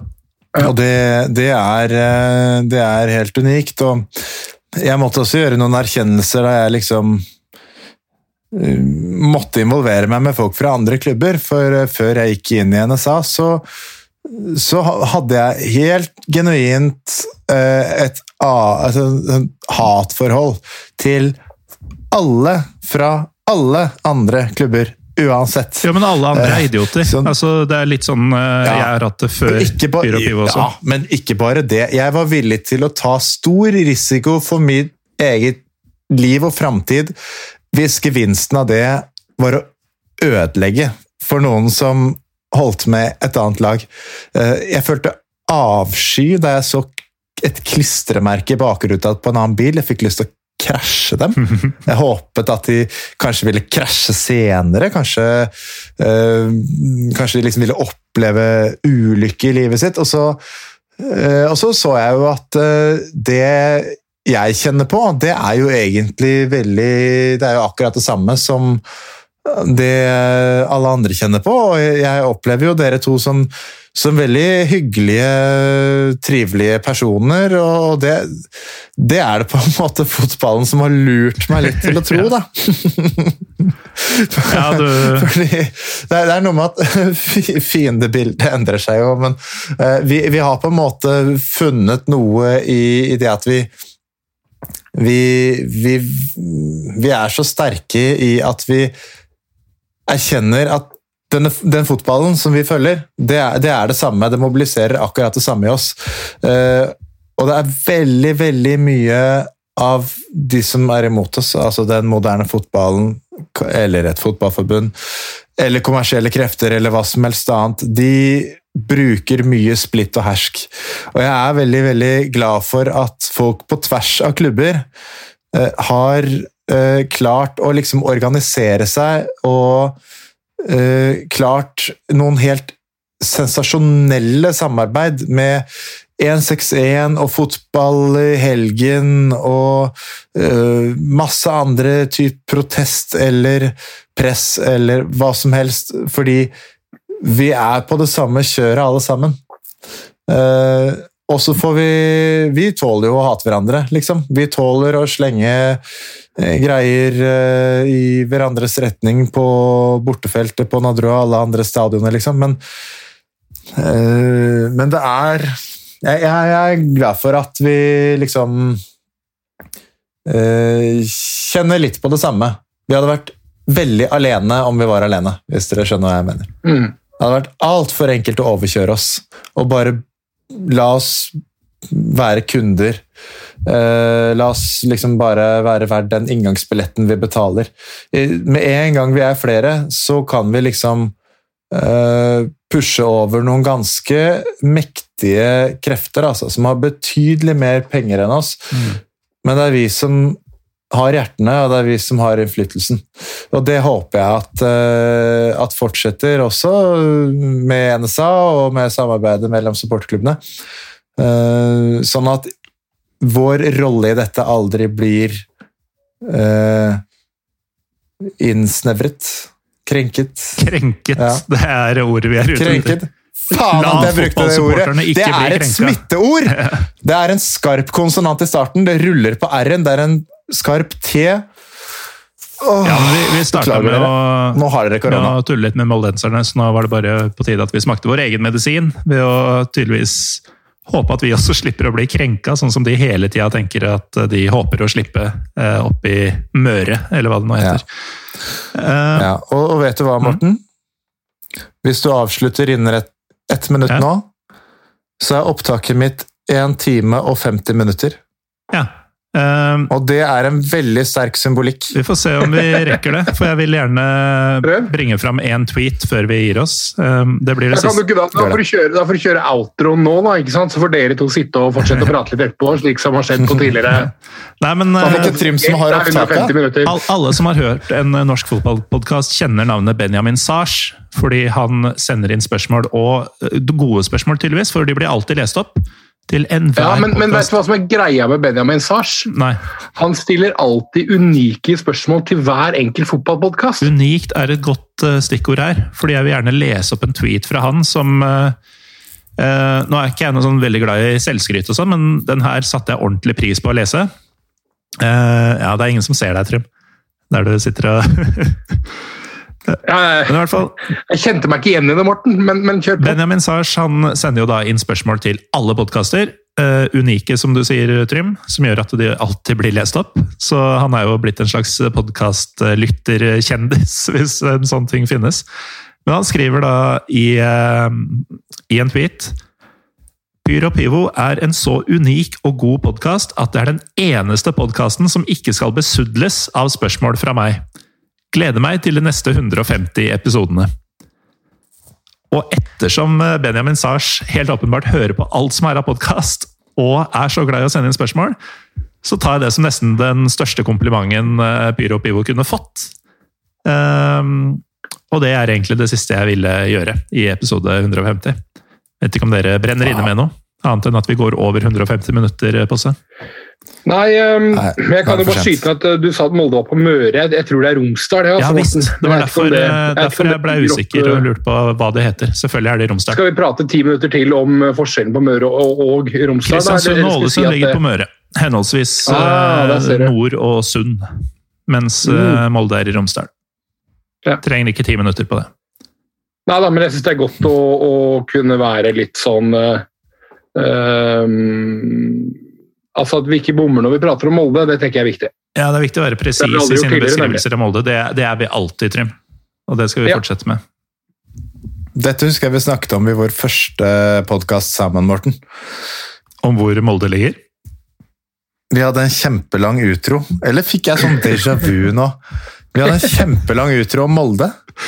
Nei, vi hadde en kjempelang outro om bæsj, men eh, det er fort gjort å blande de to. Nesten det samme. ja. ja. Det er det jeg har gjort. Beklager. Beklager til alle bæsjer. Oh, dette er akkurat sånn jeg håpa 100, eh, 150 skulle bli. Uh, tusen takk, Bjørnar Påse Sandbo, for at du var med. Bare hyggelig. Jeg er egentlig overraskende dritings av eh, den ølen jeg har drukket. Samboeren min tror jeg er i et Teams-møte. Hun kommer ikke til å skjønne noen ting når jeg ramler ut av døra. Nei, men eh, hun skal nok bli kjent med deg etter hvert, skal du se. Det er mulig hun begynte å lure deg. Jeg drev og brølte fittetryne også nå. Altså. Det kan hende at hun er på sporet av noe. At hun har lukta løgnen for en stund tilbake. Men uansett, takk for at du lurte samboeren til å bli med på episode 150. Eh, Det var hyggelig. Trym Magner, du har vel såpass kustus på samboeren at du har ikke trengt å ljuge, men tusen takk for at du også tok deg tid til å være med. Det syns jeg er symbolsk riktig at du er med på denne feiringa. Takk for at jeg ble invitert. eh, Takket nei, ble invitert igjen, takket nei, og til slutt ble overbevist om å være med. Veldig hyggelig på deg også, Pose. Stå på videre måte. Jeg, Jeg, i disse felles spørsmålene. Jeg trodde du skulle være surere.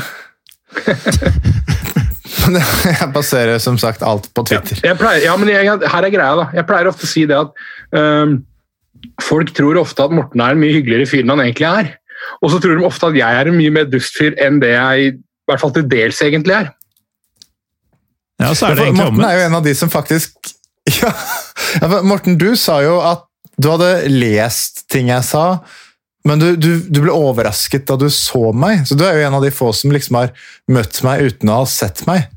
Veldig mange andre vil jo ha sett meg og så gjort seg opp en mening, og så, Ja, nei, og så kommer inntrykket den veien, liksom. For meg så var du en fyr som ble sitert overalt. Eh, uten et ansikt. For jeg, jeg var ikke interessert i å finne ut hvem denne Stabæk-supporteren var. Jeg var bare enig med det han skrev. Eh, Og så så jeg for meg han holdt med Stabæk og kunne lovdata og sånn. Selvfølgelig sånn advokatpappa-gutt-type. Skal jo sies at romerikinger har et ekstremt generaliserende syn på uh, alle som kommer, eller alle som holder med Stabæk. da. Mm. Ja, Det skal vel sies at alle fra Stabæk har et ganske generaliserende syn andre veien. Jo, men det Jo, men det stemmer jo. bare at det stemmer bedre. Uansett, takk til begge for at dere var med, og takk til dere som har hørt på både om det har vært i et par uker eller 150 pluss episoder, så setter vi pris på hver eneste en av dere. Eh, hvis dere syns denne episoden ble litt for kort, så er jeg også med i eh, Heia fotball denne uka på P3. Den eh, må dere sjekke ut eh, enten med eller uten meg. Og så var det bare kødd, selvfølgelig, det i stad om at vi setter strek etter i dag. Det kommer minst 150 episoder til av Pyro og Pivo, med mindre jeg dør av koronavirus. Takk for nå. Hva tror du Olum kommer til å si om denne episoden? Eh, ikke noe hyggelig. Jeg tror at Olum kommer til å si at det var jeg som hadde best lyd. ja, det kan faktisk godt hende. Selv om eh, lyden min er ikke til å Se på denne mikrofonen. Se på denne mikrofonen, Morten. Jo, men jeg har en såkalt Zoom recorder, og det er jo state of the art. Ja, Ja, skal jeg vise deg Zoom-recorderen min? Etter. Se. for, um, oi, Oi. se der, ja. Ja, det der så ut som For de lytterne som nå selvfølgelig ikke har tilgang til um, For de lytterne som ikke har tilgang til uh, Siden dette ikke er en vodkast, så viste Assa Posse akkurat fram en, en mikrofon på størrelse med Oliver Ocean her. eh, en, en av hans kroppsdeler, vel å merke. Som er det samme som hele kroppen, egentlig. Og dette er jo utelukkende for at dere skal få aller best diksjon på hvilke ord som nå er akseptert og ikke akseptert. Nettopp. Så da håper vi dere har lært det. Og en ting jeg glemte å si da jeg egentlig sa takk og farvel, var at eh, vi er PyroPivopod på, på Twitter og Instagram. Eh, Følg oss gjerne der, og lik Facebook-siden vår eh, som heter Pyro og Pivo. Og nå gir vi oss, gutter. Takk for nå.